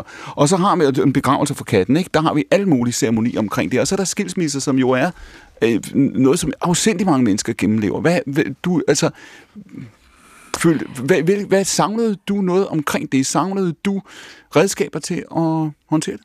Nå, men det kan man sige, det øh, savner mange mennesker sikkert i alle de øh, perioder, hvor man har det allersværest. Det er der, man skal tilgive andre mennesker. Fordi det er der, andre mennesker øh, som regel kommer til kort. Det, er, det var også, da jeg mistede min mor. Øh, øh, og jeg var utrolig øh, ked af det og, og chokeret. Øh, og så er folk, øh, vil de være søde, og så siger de, ring hvis du har brug for noget. Mm. Og det gør man jo ikke. Øhm, fordi, øh, Øh, og man synes måske også, at de, er lidt, at de, de er lidt dumme. Øhm, men man skal tilgive dem. Og det er der, hvor man har det allersværest. Der skal man faktisk tilgive andre mennesker, fordi vi tit kommer til kort, når andre mennesker øhm, har det jo sværest i livet. Og sådan var det måske også med skilsmisse. Ring, hvis du har brug for noget. Altså, det er bare en lidt dum sætning, fordi man skal måske selv ringe og sige, jeg tror, du har brug for noget. Mm. Kan Jeg du tror- genkende det, når Peter, når Peter taler før om at stå lige ved siden af det her menneske, som betyder oh, så meget for en, og man tror, man er så god, og man tror virkelig, at man har alle, alle guldstjerner i bogen nu, ikke? Og, og så opdager man pludselig i øjeblikket, nej, man var der ikke, det var ikke rigtigt, det, man gjorde det ikke, man gjorde det ikke rigtigt. Var, var, det, fordi det, du beskriver nu, det er, hvor svært det er at være der for andre, når der er brug for det. Ikke? Ja, altså jeg håber, jeg er blevet en lille smule bedre, efter jeg har mistet min egen mor. Øh, fordi jeg synes, det var... øh, Det var folk tror, at øh, dyb sorg, det er ligesom influenza. Det tager i hvert fald højst tre uger. Mm. Så er man nok kommet på benene igen. Og det er man jo ikke. Og så skal man, hvis man gerne vil tale om det, og andre folk tror, man er videre, så skal man selv starte snakken. Mm. Og så er man bange for at blive sådan en, øh, ingen gider ses med, fordi man er virkelig depri-type, ikke? der gerne vil snakke om død over en øl. Øh, men, men øh, man har jo stadig brug for at tale om det, fordi man ikke er kommet ud over det endnu. Hvad Må jeg komme med en indskudsætning til øl? Du, ja, Ja, endelig. jamen det er fordi, nu hører vi lige om, da du mistede din mor. Min far døde her for nogle år siden. Og øh, et af de store øjeblikke det år, det var den uge, jeg havde sammen med ham, inden han døde. Altså han blev indlagt og fik at vide, at han dør nu. Så gik der en uge, inden han døde. Så vi havde en uge pludselig, hvor vi kunne snakke om, hvad så? Er der noget, Var vi vil det- sige? Og han, han vidste, han skulle dø, og, og vi vidste, han skulle dø. Det var meget syret, vi troede hver dag, nu dør han. Nu dør han. Så næste morgen vågnede han. Okay, så, tager vi, så kører vi videre. og, og, men, og det var faktisk en meget smuk uge, jeg havde. Det, og, det, du beskriver nu, Peter, jeg tror, der, jeg tror, du deler lytterne i to her. Jeg tror, at halvdelen af lytterne tænker, gud, hvilken velsignelse, og halvdelen tænker, det var da forfærdeligt. Det har da været en forfærdelig uge. Nej, men det var... Han, han, han var 83, har levet livet fuldt ud. Ja. Giftet sig med øh, kvinde nummer to, og havde det vidunderligt med Anne-Marie i, i 38 år, og har drukket og røget alt det, han ville, og har haft alle de venner, han ville, og har fyret den af. Altså, han var færdig, altså han var... Og, og der var intet mere tilbage. Og der var en anden kæmpe hovedpulsår, der var sprunget, så han dør nu. Altså, og du dør nu, og de, de prøvede at operere lidt på ham, men du dør nu. Altså, det var, det var meget syret, men jeg var bare taknemmelig over, at jeg nåede at have den uge med ham, for vi sad jo på skift og holdt vagt på hospitalet og troede hele tiden, nu stopper det, nu stopper det. Og, og fik snakket om nogle ting, nogle gange lidt overfladisk, men også nogle gange sådan lidt, dengang du, du, sagde det, og hvad, hvordan havde du det? Altså, der, var- der var nogle meget smukke øjeblikke, jeg aldrig har haft med ham før, mm. fordi vi bedst to vidste, at han skulle dø, så derfor gav han også noget til mig, han ikke ville have givet mig, hvis han ikke skulle dø. Så det var, det var sindssygt smukt. Og det aller sidste, han siger, inden han når ud, det er hans sidste sætning, søndag aften kl. halv 10, jeg skulle have skiftet med min, med min øh, papmor, hvad hedder hun, Anne-Marie, ikke min mor, men hans kone. Hun skulle komme og bytte, og lige nu hun kommer, så siger han, jeg, skal have, jeg vil have en øl. Han kunne ikke løfte hænderne mere, han var proppet, men var fin, og han lå bare der. Altså, jeg løber rundt på ride og leder efter en øl, kommer ned på fjerde. Jeg kender jo ride, fordi jeg har været med i Lars von Triers ride, så jeg sige- ved, hvor alle køleskabene er med bajer. så, så jeg vidste lige, hvor jeg skulle lede. Så jeg, så jeg kommer tilbage med en iskold øl og ned et, og et sugerør ind i munden, og han tager den her tår, og han suger virkelig. Jeg tænker, "Hold kæft, han suger, mand. Og så siger han, "Hold kæft, hvor smager det dejligt. Det var hans sidste sætning. Tre og en halv time efter døde han. Ej, jeg vil gerne dø med at sige, hold kæft, hvor er det smukt, eller hvor smager det dejligt. Altså, tænk at have det som sidste sætning. Altså, at, at mærke det der, om det er en god samtale, eller man spiser noget lækkert, eller ser på noget smukt. Altså, det der med at have det som... Og det på en eller anden måde gav det mig en kæmpe ro, fordi det må tyde på, at min far var i balance. Så ville du ikke kunne sige, at det smager dejligt. Så havde du smagt, øh, jeg kan ikke smage noget, eller... Han var, han, var, han var afklaret med, hvad der skulle ske, og derfor kunne han også helt fredfyldt sige, hold kæft, hvor smager det dejligt. Og så døde han ud foran mig og min Anne-Marie. Det var sindssygt scary at se en mand dø. Ja, det, Fordi de holder op, de trækker vejret langsommere og langsommere, og så tænker man, nu trækker han ikke vejret mere, og så ringer man efter sygeplejersken, der kommer ind, og så laver de sådan en sidste død vejrtrækning, hvor han næsten fløj op i sengen, og jeg skreg, og min øh, Anne-Marie skreg. Det, det var så uhyggeligt, og så var han død. Hvad lærte du mig så om døden af din mors død? Øh, øh, jeg ved ikke, om man kan sige, at man lærer noget egentlig. Altså andet, end man bliver enormt forskrækket. Øh, men det, jeg vil have sagt til Dorte tidligere, det var, at øh, din sang, den der Ingers ting, Ja. øh, den, den synes jeg var rigtig fin. En fin sang, før min mor døde. Og efter hun var død, så fik den en ny betydning, fordi den... Nu ved jeg ikke meget, skal sidde og tolke på din, på din sang, men det der med, at øh, man kan have haft alle mulige fine ting, og den her person, man elsker, har nogle ting, der er fine. Ja. Og da min mor så var død, og vi tog tilbage til lejligheden øh, med min far, øh, så, så tænkte jeg, gud, har trænger til at blive malet.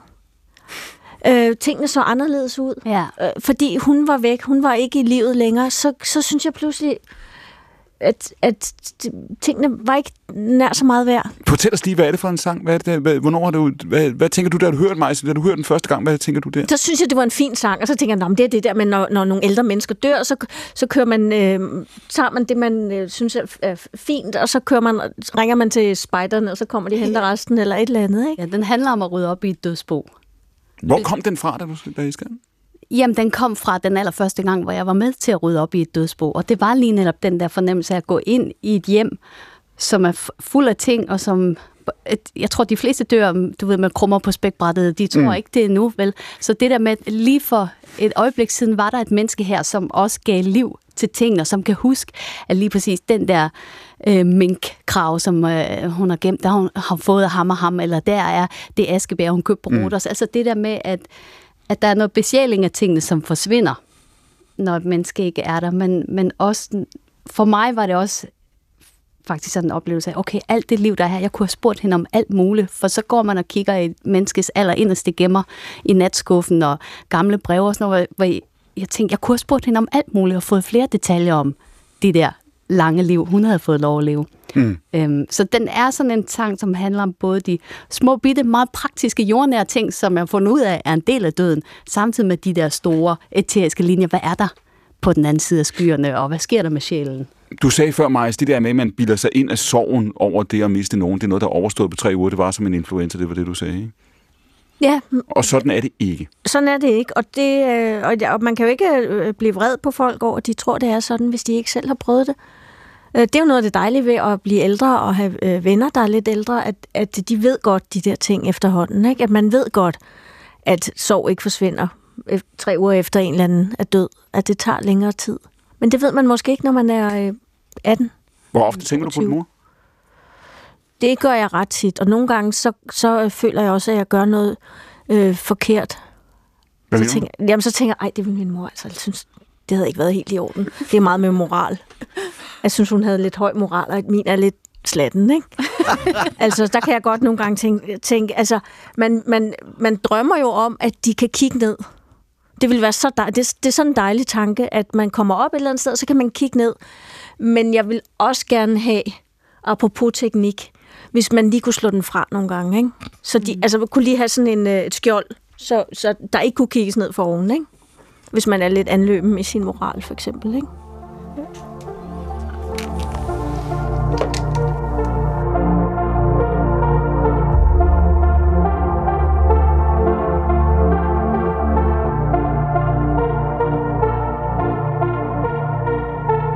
Nu er Ingers ting blevet til ingenting. Vi river ned af hylderne, putter ned i poser, lægger alle de bunker rundt omkring. Pelsjakke, buskort, hyben til at gryde lå barnlige ord i en gammel poesibog. Nu er Ingers ting bare ting.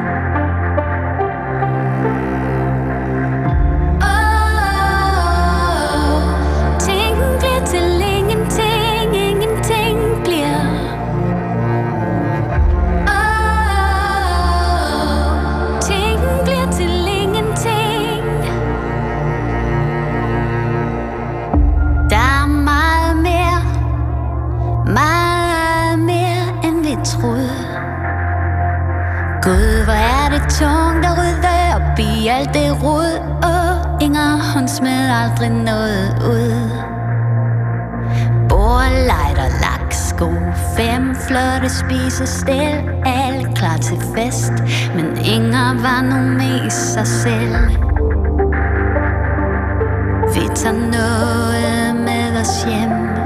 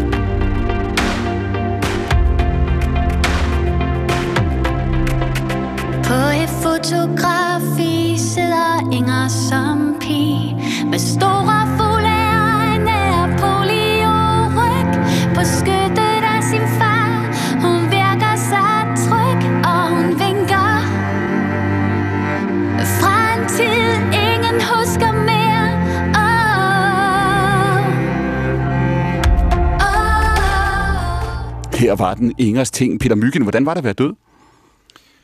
Det var faktisk, altså lige inden jeg dør, jeg, var- jeg var faktisk klar over, at der var et andet rivrarusende galt. Jeg var lige hjemme, min hustru var i Jylland, og på vej hjem, øhm, så jeg får min svigermors nye kæreste, hun lige havde mødt på nettet, hun er også kun 78, til at køre mig op til Gentofte Hospital. Han sætter mig af ved skadestuen, som så ikke hed skadestuen mere, nu hed det akut, og var flyttet over i en anden bygning, men jeg sender ham hjem, for han er jo lige mødt min svigermor, de skal hygge, det er søndag morgen. Så han kører tilbage til Toves Brunch for Struer, øh, og øh, så går jeg de der 100 meter kl. 8 om morgenen ind over Gentofte øh, sygehus parkeringsplads, og 20 meter foran akutindgangen kan jeg mærke, nu dør jeg. Og, jeg, og det eneste, jeg tænker sådan noget, du skal kaste din krop ind igennem akutdøren, fordi mm. så er der jo nogen, der ser dig. Men det når jeg ikke. Så jeg ryger lige med hovedet i asfalten, og så bliver det bare mørkt. Der bliver helt mørkt. Der er hverken musik, lys. Øh, jeg ser mig ikke selv ovenfra. Der er fuldstændig mørkt, dødstille.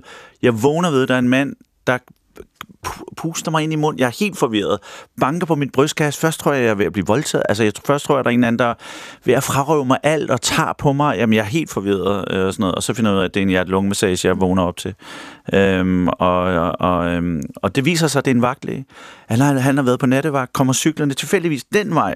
Normalt cykler han aldrig den vej, men han skal til brunch hos sin søster, ser mig ryge med hovedet lige i asfalten, tager puls og mærker ingen puls, og starter hjerte-lungeredning.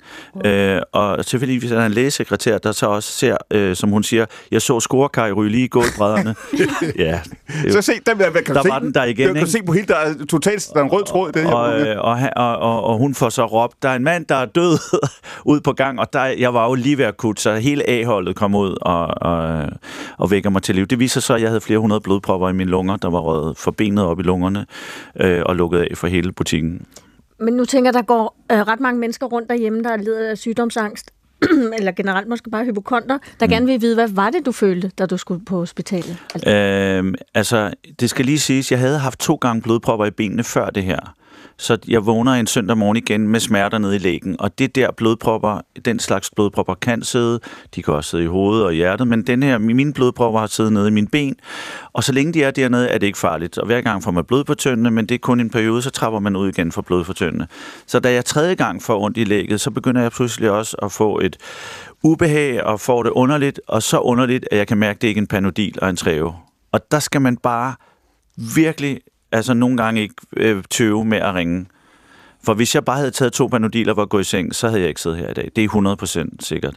Så ja, øh, et enormt ubehag, men ikke, jeg havde jo ikke trykken for brystet, men jeg kunne mærke, at jeg havde svært ved at trække vejret. Og det var, fordi blodpropperne var røget op i mit begge mine lunger. Øhm, og ja, heldigvis blev jeg kørt op. Og, og, og, og, og det, det, det, det der er så mærkeligt, hvornår ved man, når man er ved at dø. Problemet er, at jeg efterfølgende nogle gange lider af dødsangst, og det kommer sådan, jeg, jeg kan sidde her og pludselig tænke, nu dør jeg. Fordi jeg får samme følelse, som jeg havde lige da jeg faldt om. Så jeg, jeg skal nu lære at navigere i, er det, er det serious, eller er det et angstanfald? Og angstanfald, det holder jeg nu foredrag om. Det kan vælte et menneske omkuld. Så jeg har siddet nogle gange i et S-tog og sagt til en dame overfor, kan du hjerte lungemassage? For jeg, jeg, det kan godt være, det kun er et angstanfald, men jeg er faktisk bange for at dø lige nu. og så sidder de der, det ved jeg ikke, om jeg kan, Peter Mygind, Om- Er der nogen andre, der kan? Og sådan noget. Og så prøver jeg min vejrtrækning. Jeg har så lært at bruge min vejrtrækning og noget tankfældsterapi. Jeg har lært af min storebror, hvor jeg banker mig på mit panikpunkt hernede ved lillefingeren. Og så på den måde øh, finder jeg mig selv, og har også været i kognitiv terapi, og, og tager blodfortyndende nu, øh, og har ikke haft 7 13 blodpropper i 8 år. Er du god til at spørge om hjælp? Jeg er blevet bedre til det, men ja, der, man, man skal ret langt ud, før man gør det, fordi man vil jo ikke være til besvær, og man vil, er det, hvor farligt er det, og, og det kan være virkelig svært, er det et angstanfald, eller er det, er du ved at dø? Øh, og der må man hellere en gang for mig at sige, jeg er virkelig bange lige nu, har du noget mod lige at holde mig i hånden? Og jeg, men nu har jeg så også været på et psykisk førstehjælpskursus, så hvis jeg sidder i sted og kan se, at der er en, der er ved at blive bleg, så sætter jeg ryger over lige med det samme og siger, du ser godt nok skidt ud. Er du okay? Skal jeg lige sidde og trække vejret med dig og sådan noget? Og det gør jeg helt intuitivt. Jeg kan ikke lade være. Og jeg har været tæt på nogen, der var ved at falde om. Det siger Peter Myggen, han sidder ved bordet sammen med Dorte Gerlach, sammen med Maja Senior og med Thor Nørretranders. Det er Stafetten på B1, programmet, hvor vi sender livets og tidens største spørgsmål videre til hinanden. Og det kan man roligt sige, Thor Nørretranders, det er det, vi sidder og, og diskuterer her, de øh, største spørgsmål. Den bog, du skrev for relativt nylig, Hul igennem, hvor kom den fra? Den kom fra, fra en eller anden fornemmelse af, at vi mangler noget ærefrygt. Øh, vi mangler hul igennem, vi mangler evnen til at mærke, at der er noget uden for os selv, som er større end os selv, og mere magtfuldt end- end os selv. For eksempel et meget stort græntræ, eller en meget stor, fantastisk handling, et menneske begår over for et andet handling. Et menneske, altså en meget moralsk eller etisk handling, eller storladen handling. Altså, vi mangler simpelthen hul igennem. Vi kan ikke mærke øh, verden øh, på samme måde, som vi troede, vi kunne. Og lad os lige prøve at holde fast i den. Du sagde ordet ærefrygt før, og det diskuterer du jo rent faktisk, hvad der ligger i det ord ærefrygt. Fordi du siger jo i virkeligheden, at vi kommer til at tænke på kun den ene side af det, hvad det indeholder. Ja, vi tænker kun på frygt. Ja. Men, men det, det består af to dele ære. Altså, man, man ærer noget, og man frygter noget, og det er den der dobbelthed, som er det interessante. Vi kender jo også ord som brystvorte, for eksempel, som også består af noget, der er virkelig dejligt, og noget, der ikke er særlig rart, ikke? Øh, men til sammen faktisk er ret rart. Øh, og her ærefrygt er jo ære, og det er frygt. Øh, men det, det er simpelthen det der med at, at, at indse, at, øh, at der er noget, som, som, som gør en paf, når man oplever det. Og det skal vi søge mere, tror jeg. Og så er der så den sjove lille snibbold-effekt, som, som bogen meget handler om, mm. at jo mere man øh, føler ærefrygt over for naturen, for eksempel stjernehimlen, som er min yndlingsudgave øh, af, af ærefrygt, jo mere man føler ærefrygt over for naturen, jo mere lyst får man til at beskytte naturen. Og det kan man ligesom vise, at folk, der føler meget ærefrygt, de bliver også meget venlige over for naturen, og meget venlige over for andre mennesker. Og det vil sige, det er sådan en snebold. Jo mere ærefrygt du føler, jo mere får du lyst til at være god ved verden, og så giver den dig mere ærefrygt. Og lad os, lige prøve, og lad os lige prøve at åbne den op en gang, fordi når du siger, at vi har mistet det her, du talte også om det i time 1, ikke? at vi har haft nogle muligheder, både i virkeligheden, når du siger, øh, når det gælder teknologien, men også i virkeligheden, når det gælder naturen, siger du, der er noget, vi har nogle ressourcer, vi, har, vi er rige på en måde, vi i virkeligheden ikke ser. Nu siger Majse Nord der, for du siger det der, Majse, du vil ikke blive journalist i dag, Nej, fordi vi sidder, vi, der er i den her branche, sidder og glor ind i nogle skærme det meste af tiden, ikke? Der, der er i hvert fald ikke så mange, der øh, tager ud og oplever på læserens vegne. Altså, der kan, det er jo en fantastisk mulighed at tage ud og opleve noget, som læserne måske ikke har mulighed for at opleve. Altså, jeg kan for eksempel huske, at jeg var oppe i Nordjylland og besøgte en familie, som levede som vikinger øh, hele året, bortset fra, at de havde, altså, de havde øh, opvaskemaskine. Øh, men de har selv men de har selv syet deres sko og sådan noget, og det var en fantastisk oplevelse, og de var simpelthen så skønne. Og da jeg kom hjem... Jeg og- visualiserer nu Thor i færd med at tømme opvaskemaskinen. Hammeren har lige fået en og tur, ikke? ja, Det er En en... slags har man trællet i vikingetiden. Ja, det er selvfølgelig rigtigt, ja. Men, men da jeg kom hjem, så havde jeg sådan lidt en fornemmelse af, at jeg, nu var jeg også bare fjollet igen, fordi jeg, jeg tog ud og lavede sådan nogle øh, historier. Men jeg synes, det er enormt vigtigt, at man øh, som avislæser kan læse om nogen, der øh, øh, lever et helt andet liv end en selv. Og lad nu, fordi den grund til, at jeg spørger dig nu, er jo, når Thor taler om det her med ærefrygten, og det der med at være i kontakt med de ting, der er omkring os. Når du siger, at det ikke er attraktivt for dig, hvis jeg siger, hey, jeg har et job til dig, du skal komme ind, du skal sidde på kontoret, du skal glo ind i en skærm og se verden gennem den i 8 timer i dag, og guess what, 8 timer i morgen, så siger du, det er simpelthen ikke. Hvad er det, der mangler? Jamen, det er jo kontakt til andre mennesker. Og, og Thor, hvor meget, hvor meget tror du, at den, når du beskriver det her, fordi det er jo ikke en lille ting, du beskriver det, og grund til, at du skriver en bog om det, du, det er jo ikke en lille ting, det er ikke en lille ting, vi har glemt. Hvor meget af den manglende ærefrygt handler om det, altså handler om, at vi rød ind bag ved skærmene, og hvor meget handler det om, om alt muligt andet? Jeg vil hellere se det sådan, at civilisation, at vi laver byer, at vi laver skærme, mm. at vi indretter os, så vi ikke kan mærke, at det regner eller blæser og alt det der, handler hele tiden om at fjerne irritation fra vores liv, eller ting, der forstyrrer os fra vores liv. Ikke? Vi prøver at gøre det så forudsigeligt og så regelret, som det overhovedet kan lade sig gøre. Øh, og problemet er, at så bliver det bare Svend Erik røvkedeligt i længden. Mm. Og det er, det, det, er den, vi ligesom, det er den, vi bomber hovedet mod nu, at vi har lavet et menneskeskabt miljø, som er øh, så forudsigeligt og så kontrolleret og så behageligt og så komfortagtigt, at vi ikke kan holde det ud mere. Og, og, der blev lavet en undersøgelse for nogle år siden, der viste, at vægten af alle de ting, mennesker har fremstillet, altså motorveje og T-krus og radiostudier osv., nu er større end vægten af alt levende på den her planet. Du er meget efter mig i dag, synes jeg egentlig. Er det er efter dig? Ja, det synes jeg. Er Hvorfor radio, også radiostudie vil du tage fra mig, ikke? Nå, ja. Okay, så tager vi, øh, så tager vi Noget andet, Så ja. tager vi slagteri i stedet Ja. for. Så får du det radiostudie. Men altså, vægten af alt det, mennesker har lavet, er, er større end vægten af alt levende på jorden. Og det vil jo sige, at vi lever lige pludselig i, i en verden, som er menneskeskabt. Mm. Helt sådan bogstaveligt menneskeskabt. Og det er eddermame for kedeligt, fordi det hele er lavet med lineal. Mm. Og lad os lige prøve at gribe fat i den, fordi biologerne taler om, og det er jo ikke så nyt længere, at de taler om den sjette masseuddøen. Ikke? De har for længst sagt, at vi lever i antropocænen, den æra, hvor det er os, altså menneskene, der driver øh, planetens udvikling. Ikke vores egen, men, men planetens, det er os, der er motoren i det. Nu lever vi så dels i den digitale virkelighed, oven i det, over det sidste halvandet år, der har vi kunne se, øh, hvordan kunstig intelligens er i gang med at, at, at forandre det her. Det sker stort set øh, uge til uge og kvartal til kvartal i hvert fald. Og der siger du i virkeligheden, Thor, i det øjeblik, at vi lever inde i det her, nogen vil sige, at vi lever allerede i den menneskeskabte verden, takket være de der øh, øh, telefoner, det bliver simpelthen for kedeligt. Det bliver simpelthen for kedeligt, og så kommer vi ud i det der, som vi også kender fra misbrug, at hvis det er det samme, der hele tiden skal stimulere dig, hvis det er den samme ting, du hele tiden bliver udsat for, så vender din, din, øh, dit nervesystem sig til det, og så holder det op med at være interessant. Altså det eneste, der virkelig er interessant i livet, det er overraskelser, også dårlige overraskelser.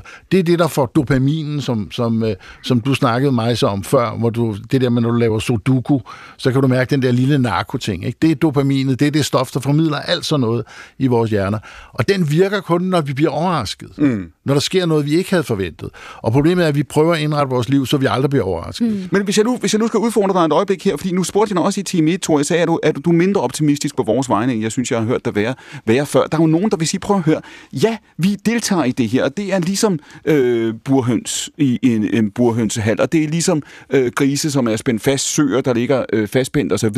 Vi kommer til at udvikle os. Vi, kommer, vi har allerede udviklet os. Det, vi, vi har flyttet os på grund af de her øh, øh, telefoner. Så det, du siger, vi savner, det savner vi måske nok nu, men det kommer vi til at holde op med. Altså, vi kommer til at leve i denne her digitale verden, øh, sådan helt Aldous Huxley-agtigt, tilfredse med det, vi har, for det er det, vi ville være blevet skabt til at nyde. Ja, det kan man jo så... Altså, problemet er jo så, at er der stadigvæk noget natur tilbage? Mm. Er der stadigvæk noget anderledeshed tilbage? Er der noget uventet tilbage, øh, når vi en dag synes, vi er blevet trætte af den der forudsigelige verden? Og det kan være bekymringen. At, at vi når at udrydde naturen, så at sige, før det går op for os, at vi skal have den for vores egen sjæls skyld. Du, her tager du dig til hjertet simpelthen, Majse? Jamen, jeg tænker, det du taler om med ærefrygt over for naturen, kan man ikke også øh, sige ærefrygt over for historien, for eksempel? Fordi jeg tænker, der er øh, øh, så mange mennesker, der er øh, angste og øh, har det svært, og det kan man jo lettere få, hvis man tror, man er den vigtigste. Mm. Øh, i verdenshistorien. Øh, og glemmer, at der kom, var nogen før dig og nogen efter dig. At, at der kan man også få den, altså glemme den der ærefrygt over for øh, en lang historie. Øh, altså for eksempel så var jeg en uge, øh, var jeg, nu det lyder som om jeg er sådan en vikingstalker. Jeg var viking en uge i lejre. Øh, Vikingestalker. Hvad hedder det? Og det var Det, stod, der de står, det, er, det er et godt ord at have stående i politirapporten, ikke? Majse Nord, vikingestalker. Men det er en af de øh, bedste ferier, jeg har haft. Øh, det var skide sjovt, og man lærte jo simpelthen så meget. Øh, og man gik i det der vikingetøj, og efter to dage, så gad man jo ikke øh, skifte, når man skulle sove, og når man stod op, fordi alle lugtede alligevel. Det var enormt sjovt, og jeg havde nogle blå futter på, øh, og så var der en, der forklarede, hvordan man fik den blå farve. Øh, det var øh, ved at blande nogle, øh, nogle blomster med øh, tis fra en mand, der havde en gammel mand, der havde været fuld aften før. Sådan. Og det, det, var, altså, det var man nødt til at have. Hvis der er nogen, der har tændt halvvejs gennem den anekdote, du lige har fortalt mig, så måske lige... Ja. Bare, bare for at sige, at man lærte simpelthen Hvor så gammel meget. skulle manden være? Undskyld. Det, skulle en, en, det sagde de ikke. En ældre mand, der havde været fuld aften før, skulle tisse i den der blomsterblanding. Så fik du den der smukke blå farve. Det havde jeg da aldrig nogensinde vidst, hvis ikke jeg havde været viking i lejre. Det er et lifehack, som de unge kalder Ja. det. ikke? Ja. Ja. Wow. De, Ja, prøv, de Tak for prøvede, det tip. Det jeg vil også sige, det er, du kan ikke, du kan ikke, gå hjem, du kan ikke tage hjem, Peter, og sige, du ikke har lært noget i dag, vel? Nej, jeg, Det er- mine, ja, mine sanser og ører er helt åbne. er meget instruktivt, ikke? Men Dorte, når, apropos det der med at være nær, nu, nu, taler, øh, nu taler to om det her, det var teknologien, du taler om før, og du taler om natur nu. Dorte, du beskrev i time 1, den oplevelse, du har af at stå foran et publikum, når du er ude og spille, og når du er ude og synge, det har jo været en stor del. Hvornår stod du over for et publikum første gang? Hvor gammel var det? Uh, jamen det har jeg gjort fra barnsben, men sådan for alvor, altså fra jeg var 15, der begyndte mig og min efterskoleveninde at spille på gaden. Ja. Hvad spillede I så? Ja, og så spillede vi uh, Tracy Chapman og Susan Vega og nogle irske folkesange, og så stod vi, altså jeg var fra Vendsyssel, så tog vi rutebilen ind til Aalborg og stod på gågaden i Aalborg, eller også hun var fra Randersområdet, så stod vi på, øh, på gågaden i Randers. Og, og det var altså rigtig, rigtig godt sted at lære det allervigtigste ved at være sanger. Mm-hmm. Altså at det er energien med et publikum, ikke? Og man kan sige, på gaden er der jo ingen noget. Altså hvis ikke det virker, så går folk og lægger ingen penge.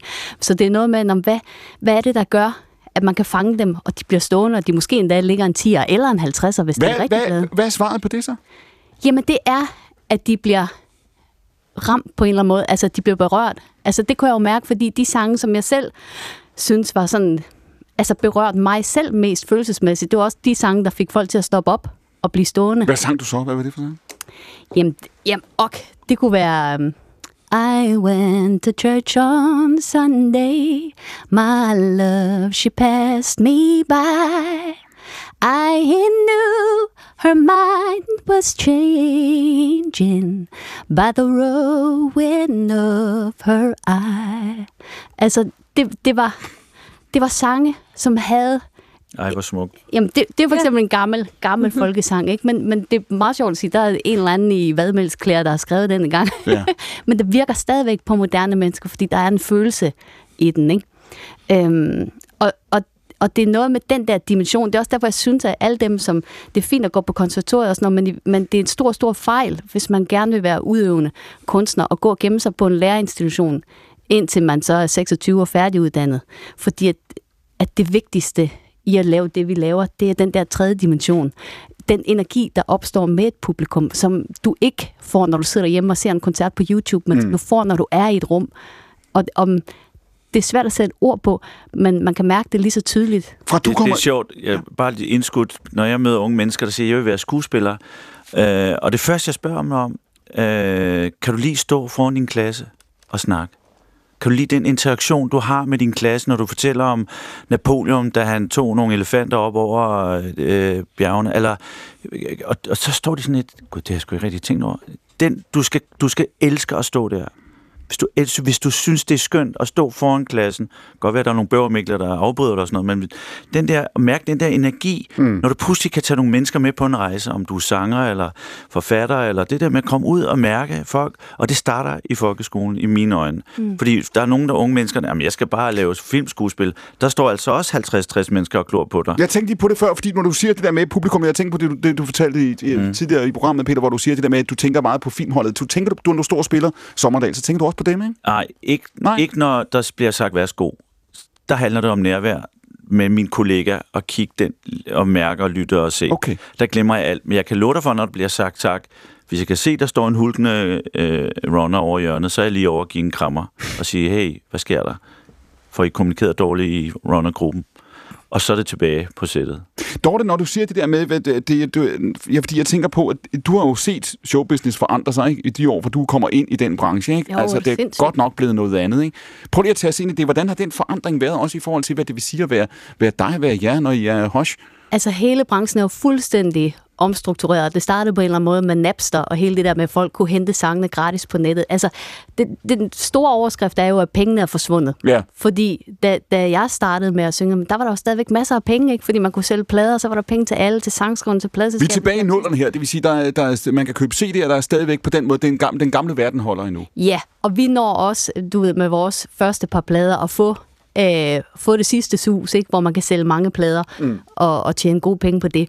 Men, men der sker jo det, at alle folk på, bliver fyret. Altså, mandskabet bliver beskåret fuldstændig ind til benet, så hvis du vil være artist i dag, altså i gamle dage kunne du jo godt bare være artist og koncentrere dig om at skrive en sang og synge den, men nu skal du, du skal have øh, flere og en interesse også for forretningssiden af det.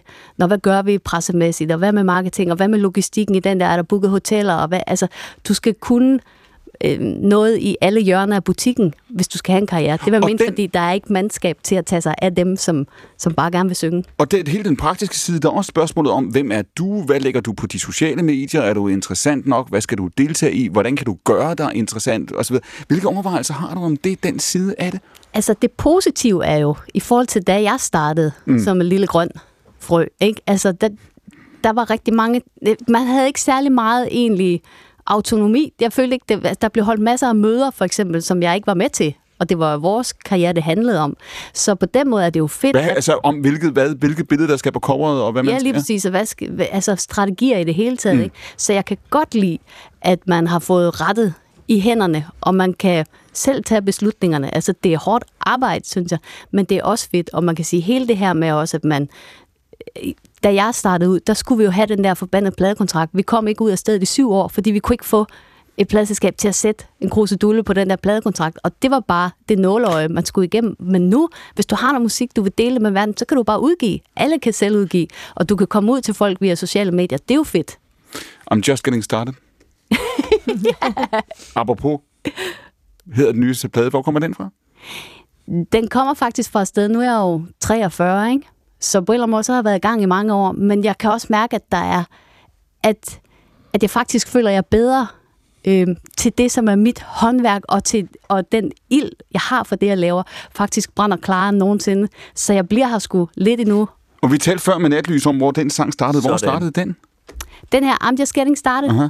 Den, jeg tror faktisk, den startede øh, som et snak om, når, altså netop mig, Michael og, og Sally, som vi har skrevet den med, som sad i et rum og bare snakkede om det der. Vi har kendt hinanden i over 20 år, ikke? og Jo. jo. vores liv har ændret sig rigtig meget, men, men det er både hvad kan man sige, det er positivt budskab, men det er også lidt en slagsang for modenheden. Sådan, hey, vi har faktisk noget virkelig godt at byde på, og vi vil være her nu. Og man kan sige, for mig, kvinde plus 40 i musikbranchen, det, det er utroligt dyr på savannen. Så jeg tænker for alle skyld, at det er godt, at der er sådan nogen som mig, som også skriver sange om børneopdragelse og rydde op i dødsspor, eller om, at hey, der ligger noget guld i, i livet, også på den anden side af 30'erne, forhåbentlig hele vejen til de 90, ikke? Min farmor grinede, da jeg forklarede hende, hvad sangen handler om. Så jamen, den handler om, nu har jeg jo oplevet rigtig meget og sådan noget, men der er stadig krudt i mig. Og så grinede hun, og jeg tænker, det er, fordi hun er 87, hun tænker, ja, yeah, you ain't seen nothing yet.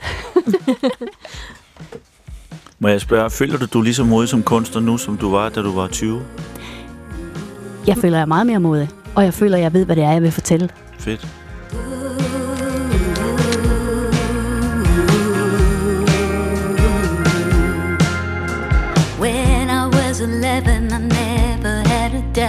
World was like an open door. When I was 14, nothing really scared me. All I seemed to want was more.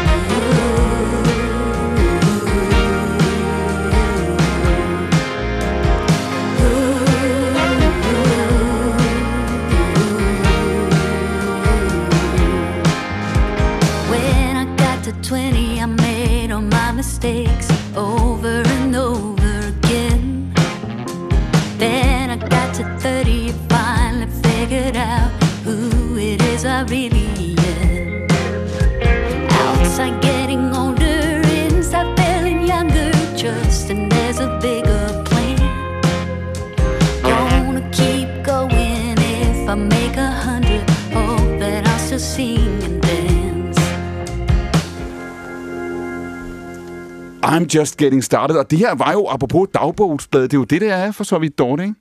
En, en hvad sagde du? Dagbogsbladet. Jamen, det, er- det er alle sange på en eller anden måde.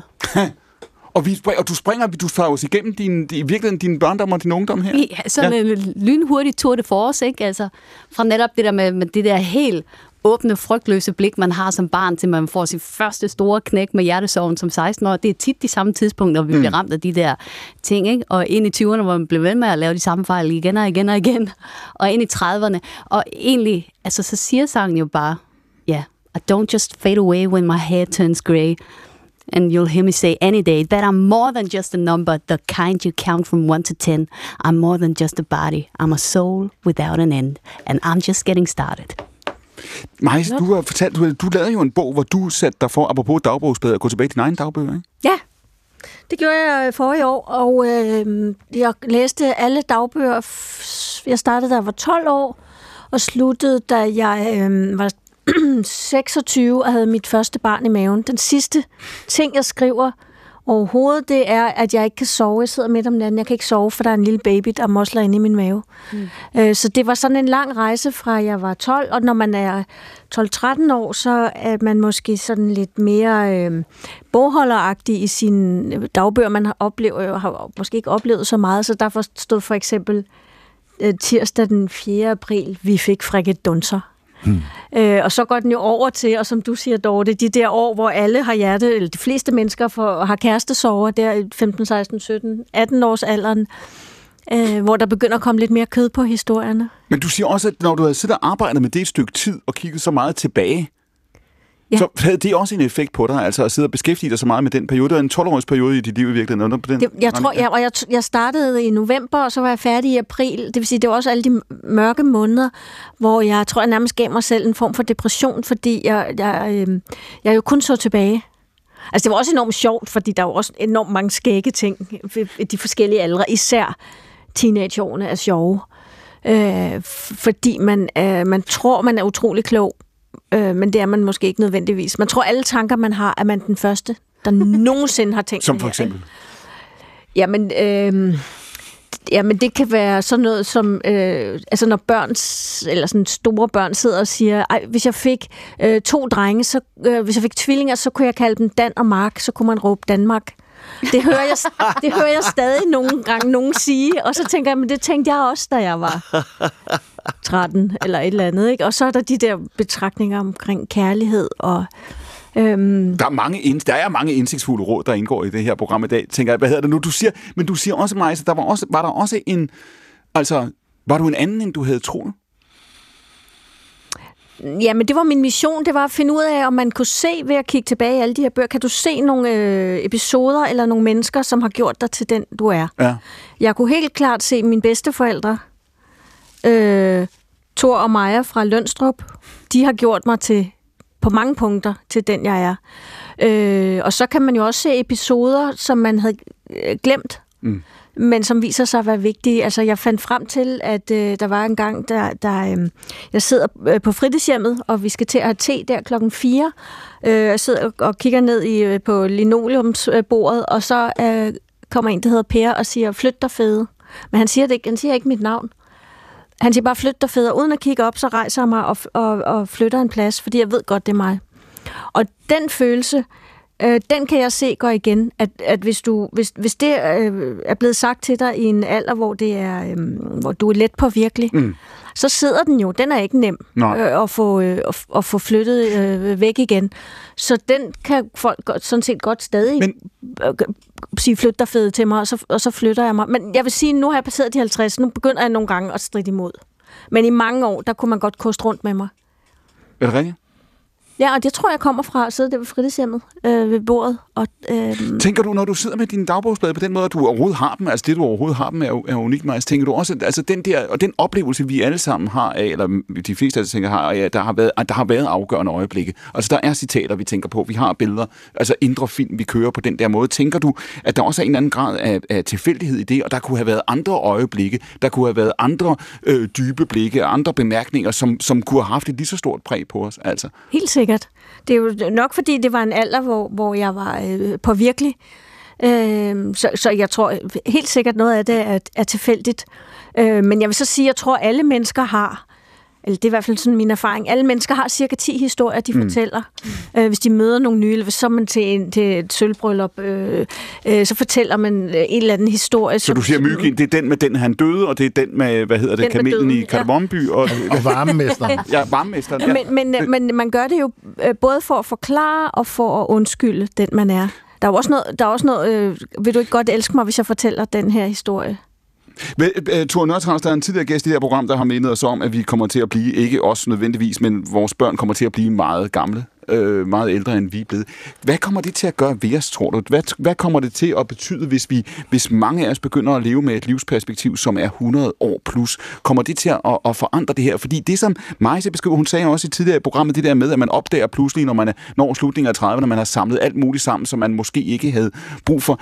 Vi lever nogle lange liv, og vi lever også nogle gennemdokumenterede liv. Vi kan finde alt muligt, altså også fra de sidste 20 år, øh, takket være øh, de sociale medier og hvad ved jeg. Hvad kommer det til at gøre ved? Er der overhovedet plads til, og, og, og kan vi overhovedet flytte os til sidst? Eller risikerer vi dybest set at blive fanget lidt i vores, egne, vores eget bras? Spirituel udvikling hedder den gode udgave øh, af den øh, problemstilling, ikke? Jo. Altså, at, at, vi, at vi lærer at fordøje vores liv, at vi lærer at finde ud af, hvad det var, vi gjorde, og hvad det var, vi gjorde forkert, hvad det var, der var sørgeligt, hvad Men det var, er der vi, var er vi også nødt til, tror jeg, er vi nødt til at, at lære os selv at slette harddisken på en eller anden måde? Fordi det virker også som om, at vi lever i et samfund nu, hvor vi er utrolig glade for at huske, utrolig glade for terapi og for at gå tilbage og for så videre. Har vi også brug for en gang imellem at sige, hey, øh, vi er med? Ja, helt klart. Øh, og, og jeg mener, ens telefon smider hele tiden øh, billeder, der er 10 år gamle i hovedet Ja, på det er en. Ja, øh, og man ja. tænker, wow, Ja. så er virkelig sådan ud. Øh, Det var, det var bedre, ikke? og så videre. Men, men jeg tror også, der sker noget andet. Jeg tror, at vi, vi, vi løfter nogle undertrykkelser, vi laver ind i vores sind. Altså, jeg oplevede for ganske nylig, for lidt over en uge siden, en begravelse for, for en, jeg havde stået meget nær som ung, øh, og som jeg var, skilt, jeg var blevet skilt ad fra øh, på en måde, hvor vi ligesom du er ikke med i mit liv mere. Og det, det er en lang historie selvfølgelig, men det, var, det handlede mm. om ikke at behandle hin- hinanden ordentligt, og jeg var sådan set den krænkede part. Og derfor så var det sådan en, hvor man ikke har snakket sammen i 40 år, og så, så dør vedkommende jo så, øh, og, og jeg er til begravelsen, øh, og går i løbet, i, i simpelthen den dag begravelsen foregår, igennem den der lange proces med, hvad var det egentlig, der skete? Hvad var det egentlig, øh, der foregik? Hvorfor var det egentlig så nødvendigt at bryde så hårdt med, mm. med det menneske?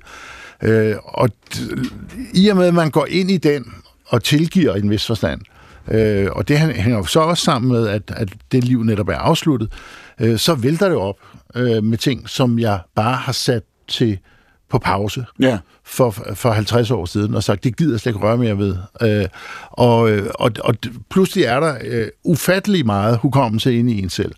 Nu og, fordi- og, og, ja. og det kan godt være, at du er ked af det med hukommelse, men det er også for at sige, det er jo, det er jo også en selv. Altså, det er jo simpelthen noget med, at man, at man har lukket af for noget i sig selv, som pludselig får lov at leve. Og derfor ser jeg egentlig med stor fortrøstning på, at folk bliver gamle, at vi alle sammen kan blive ældre end foregående generation, fordi vi kan nå at hele os selv også. Ja okay. Så det, så det vinder vi, kan du sige, ved, det, ved, den, ved, ved at vi har chancen. Det tror jeg. Øh, og jeg tror, det er meget vigtigt, at vi ikke lever evige liv. Det tror jeg ville være virkelig slemt. Men, Hvorfor? Fordi det hele så bare gentagelse, gentagelse, gentagelse. Altså, øh, matematisk set, hvis du lever evigt... Nye sæsoner af Badehotellet. Ja, altså, hvis du lever evigt, kan du nå at få... EM-finaler, vi taber. Ja. og vinder, og øh, hvor Gissel alligevel ikke er afleveret, og øh, Lindberg ikke løber ind, og så videre. Det. Alt det der. Det vil være der i alle varianter. Øh, og det er ligesom ikke til at holde ud. Altså, det hele går ud på at vælge. Men, men, men det er vigtigt, det der med, at vi, øh, at vi tør øh, ligesom fagne os selv. Men vil du gerne blive 150 eller 175 år? 150, altså hvis, hvis jeg havde fysikken til det, øh, synes jeg, at det kunne være sjovt. Altså, jeg, jeg, jeg har svært ved at se, hvornår man egentlig kunne tænke sig øh, at slutte festen. men jeg kan se, at man godt kunne tænke sig at slutte festen, og det er en meget mærkelig forskel, der er der. Peter Myggen, hvis jeg tilbyder dig, at du kan leve til du er 150, tager du til? Jamen, jeg sidder og prøver at mærke efter ham. Jeg har lyst til at blive 150, men ja, helbred er en vigtig del, ikke? Altså, jeg kan jo se på de mennesker, jeg har omkring mig, som bliver ramt af sygdom og pludselig ikke kan løfte venstre arm og halter lidt og er bange for at vælte hele tiden så er det altså hårdt at leve i 50 år. Mm. Altså, hvis du kun kan bruge din højre arm, når du har haft to hænger, og synet langsomt svinder væk, Ja. så du ikke kan læse din telefon mere, så ja, gaven i den lort, der er, at du så bliver nødt til at lægge telefonen fra dig, og kommunikere på en anden måde, og finde drejetelefonen til, eller hvad, jeg, I don't know. Men, men, men ja, det, det er ikke sjovt at blive gammel, hvis du ikke Du er svarer ikke sund. bare, når jeg, når jeg spørger dig, hvis jeg tilbyder dig halvanden 100 år med, Ja. ja. med, med fungerende helbred. Du siger ikke bare ja med det samme. Nej, det gør jeg ikke. Jamen, jeg tror også, puha, jeg, jeg synes allerede, jeg har oplevet sindssygt meget, og været igennem så mange kriser og så mange vidunderlige ting. Altså, det er ikke, fordi jeg føler mig livsmæt, men jeg, jeg har ikke behov for at opleve det hele en gang til. Du beskrev din fars død tidligere Ja. i programmet, ikke? hvor du siger, at det var en gave, at I havde den der uge Det var en meget fredfyldt uge, en meget fredfyldt uge, men også, og der var også og, og sørgelig uge. Og den dobbeltbevidstheden om, at I vidste, nu er det nu. Mm. Men du ved ikke, altså, hvis du, går, hvis du går ud og henter en koda, ved automaten kan være død, når du kommer tilbage. Så du, mm. du, det er ikke... Altså, der er noget, en dobbelthed i den, ikke? Altså, der er et nærvær, men det er også... Altså, en uge er tilstrækkeligt lang tid, og man kan ikke være lige intens til stede hvert minut og hvert døgn, ikke? Nej, men du kan øve dig på at være til stede med dem, du holder af, eller dem, du møder på din vej. Så Sådan, var- så du ikke først får de sidste gyldne ord lige inden vedkommende dør. Så, Så det, det det, var- det er måske også den, det, man kan lære af, når man er tæt på nogen, der dør. Har, er der noget, jeg har ikke fik sagt for 20 år siden? Altså husk at sige det, når I har vedkommende foran jer. Jeg savner dig, eller jeg vil ønske, du tog min hånd noget mere, eller jeg, vi går for lidt ture. Altså, husk nu, mens du lever, kan sige tingene højt. Så det I stedet for den- bare at sidde på din røv derhjemme og tænke det, så sker der ikke noget. Så den, den uge der i dødskyggens dal, mm. det var en lektie i livet i den forstand. Det var også ja, en lidt en wake-up call, hvem jeg gerne selv vil være i, min, i en rejse i livet. Majs, nu, hvis jeg, hvis jeg tilbyder dig øh, øh, halvanden hundrede år rimelig helbred, hvad så? Ej, så det lige i overkanten. Men jeg har også talt meget. altså, jeg vil sige måske øh, 100. Så ja. behøver jeg heller ikke mere. Min, far, min farmor blev 100. Hun var født det år, Titanic sank. Det synes jeg var sådan et godt øh, span. Men hun ikke? overlevede. Nå, hun var ikke ombord. Nej, Undskyld, hun jeg skulle var bare ikke ombord. det- Nej, nej, hun havde ikke noget med det at gøre. Øhm, men, men øh, når Peter siger det der med at, øh, at huske at sige til folk, altså de vigtige ting, der, der synes jeg at sige, øh, jeg elsker dig. Det, det kan man sige til en kæreste eller nogle børn, men at s- sige det til ens venner, altså så, så tror de, man er fuld eller et Men eller det andet. behøver, ikke? det behøver ikke Så- være det. Nej, men så siger jeg, jeg elsker, når vi to, og sådan et eller andet, jeg godt kan lide, mm. vi laver sammen. Men Det har jeg sige, lige sagt til min, en, en ven i går. Jeg elsker, når vi to er sammen. Fordi jeg, jeg lytter, når du fortæller noget, og du lytter, når jeg siger noget. Det er ikke særlig mange mennesker, man egentlig har det med. Et menneske, der virkelig har lyst til at lytte på det, man siger. Men hvis du bare sagde, jeg elsker dig, så ville han blive sådan lidt, Nej, det tror jeg ikke. hvad? Når du sagde er mig, så øh, du, du sagde det der med, når man er i slutningen af 30'erne, opdager, at man har samlet alt muligt sammen. Er der også en, en, en bliver det værre over tid? Nu siger Thor det der med, at vi kan godt se frem. Du, du, vi kan godt se frem. Vi kan godt på en eller anden måde gøre os fri af. Men kommer fortiden til at fylde mere og mere, jo længere vi lever, tror du? Kan vi undgå det? Altså, jeg øh, gør- gør det øh, hver øh, august, så får jeg fremkaldt billeder, fordi jeg, jeg er utryg ved, at de kun er i øh, skyen. Jeg vil gerne have dem Okay. i et album, så jeg ikke... Alle de billeder, du har taget? Nej, nej, nej. Okay. Nej, nej, er du sindssyg? Nej, nej, men så udvælger jeg nogen, og så skal jeg sætte dem i album. Og det gjorde jeg så sidste august, og jeg har ikke sat dem i album endnu. Fordi jeg kan, har ikke lyst til at være øh, der, hvor jeg kigger tilbage Aha. lige nu. Altså, øh, det er også noget med, alle børn er flyttet hjemmefra. Øh, jeg, har ikke, altså, jeg er bange for, at jeg bliver sådan en, der kigger tilbage. Øh, og og det, der kan også være noget sådan, at ens børn passer måske også lidt på en. Altså nogle gange, når de ringer, så er jeg bange for, at de har aftalt, så dig, der ringer til mor. jeg tager den i morgen. Eller et eller andet, ikke? Altså, og, det, og jeg kan godt se det der med, at jeg bor alene med min hund. At, altså, at, at jeg er bange for... Altså, jeg synes ikke, det er sølle. Jeg har det strålende, men, men, men jeg er bange for, at andre synes, det er sølle, ikke? Og kan man, og kan man undgå det? Fordi der er også den, den, den, den meningsfuldhed, der er i at omgive sig med sine minder, eller tænke på fortiden, eller række ud til gamle venner og holde kontakter. Fordi kan man, kan man undgå, Majs, det er det der med spørgsmål til dig, kan man undgå, at det kommer til at fylde mere og mere? Fordi du talte tidligere om den befrielse, der også var i at rense nogle ting ud og vælge nogle ting fra. Jeg, jeg synes, der er noget øh, utroligt dejligt i at have gamle venner. Fordi de ved godt, hvorfor man er, som man er. Og det, det er jo ikke, behøver ikke at betyde, at man altid bare sidder og snakker om, kan du huske dengang i 83? Nej. Altså sådan er det jo ikke. Men, øh, men øh, Er nogle livsvidner, ja, som det har synes set jeg... en Kan du huske, dengang vi var i Berlin med dunjakkerne? Ja, Ja. da vi havde dunjakkeskam. Dunjakkeskam. Hvad med dig, Dorte Gerlach, hvis jeg tilbyder dig halvanden hundrede år på planeten, hvad vil du sige?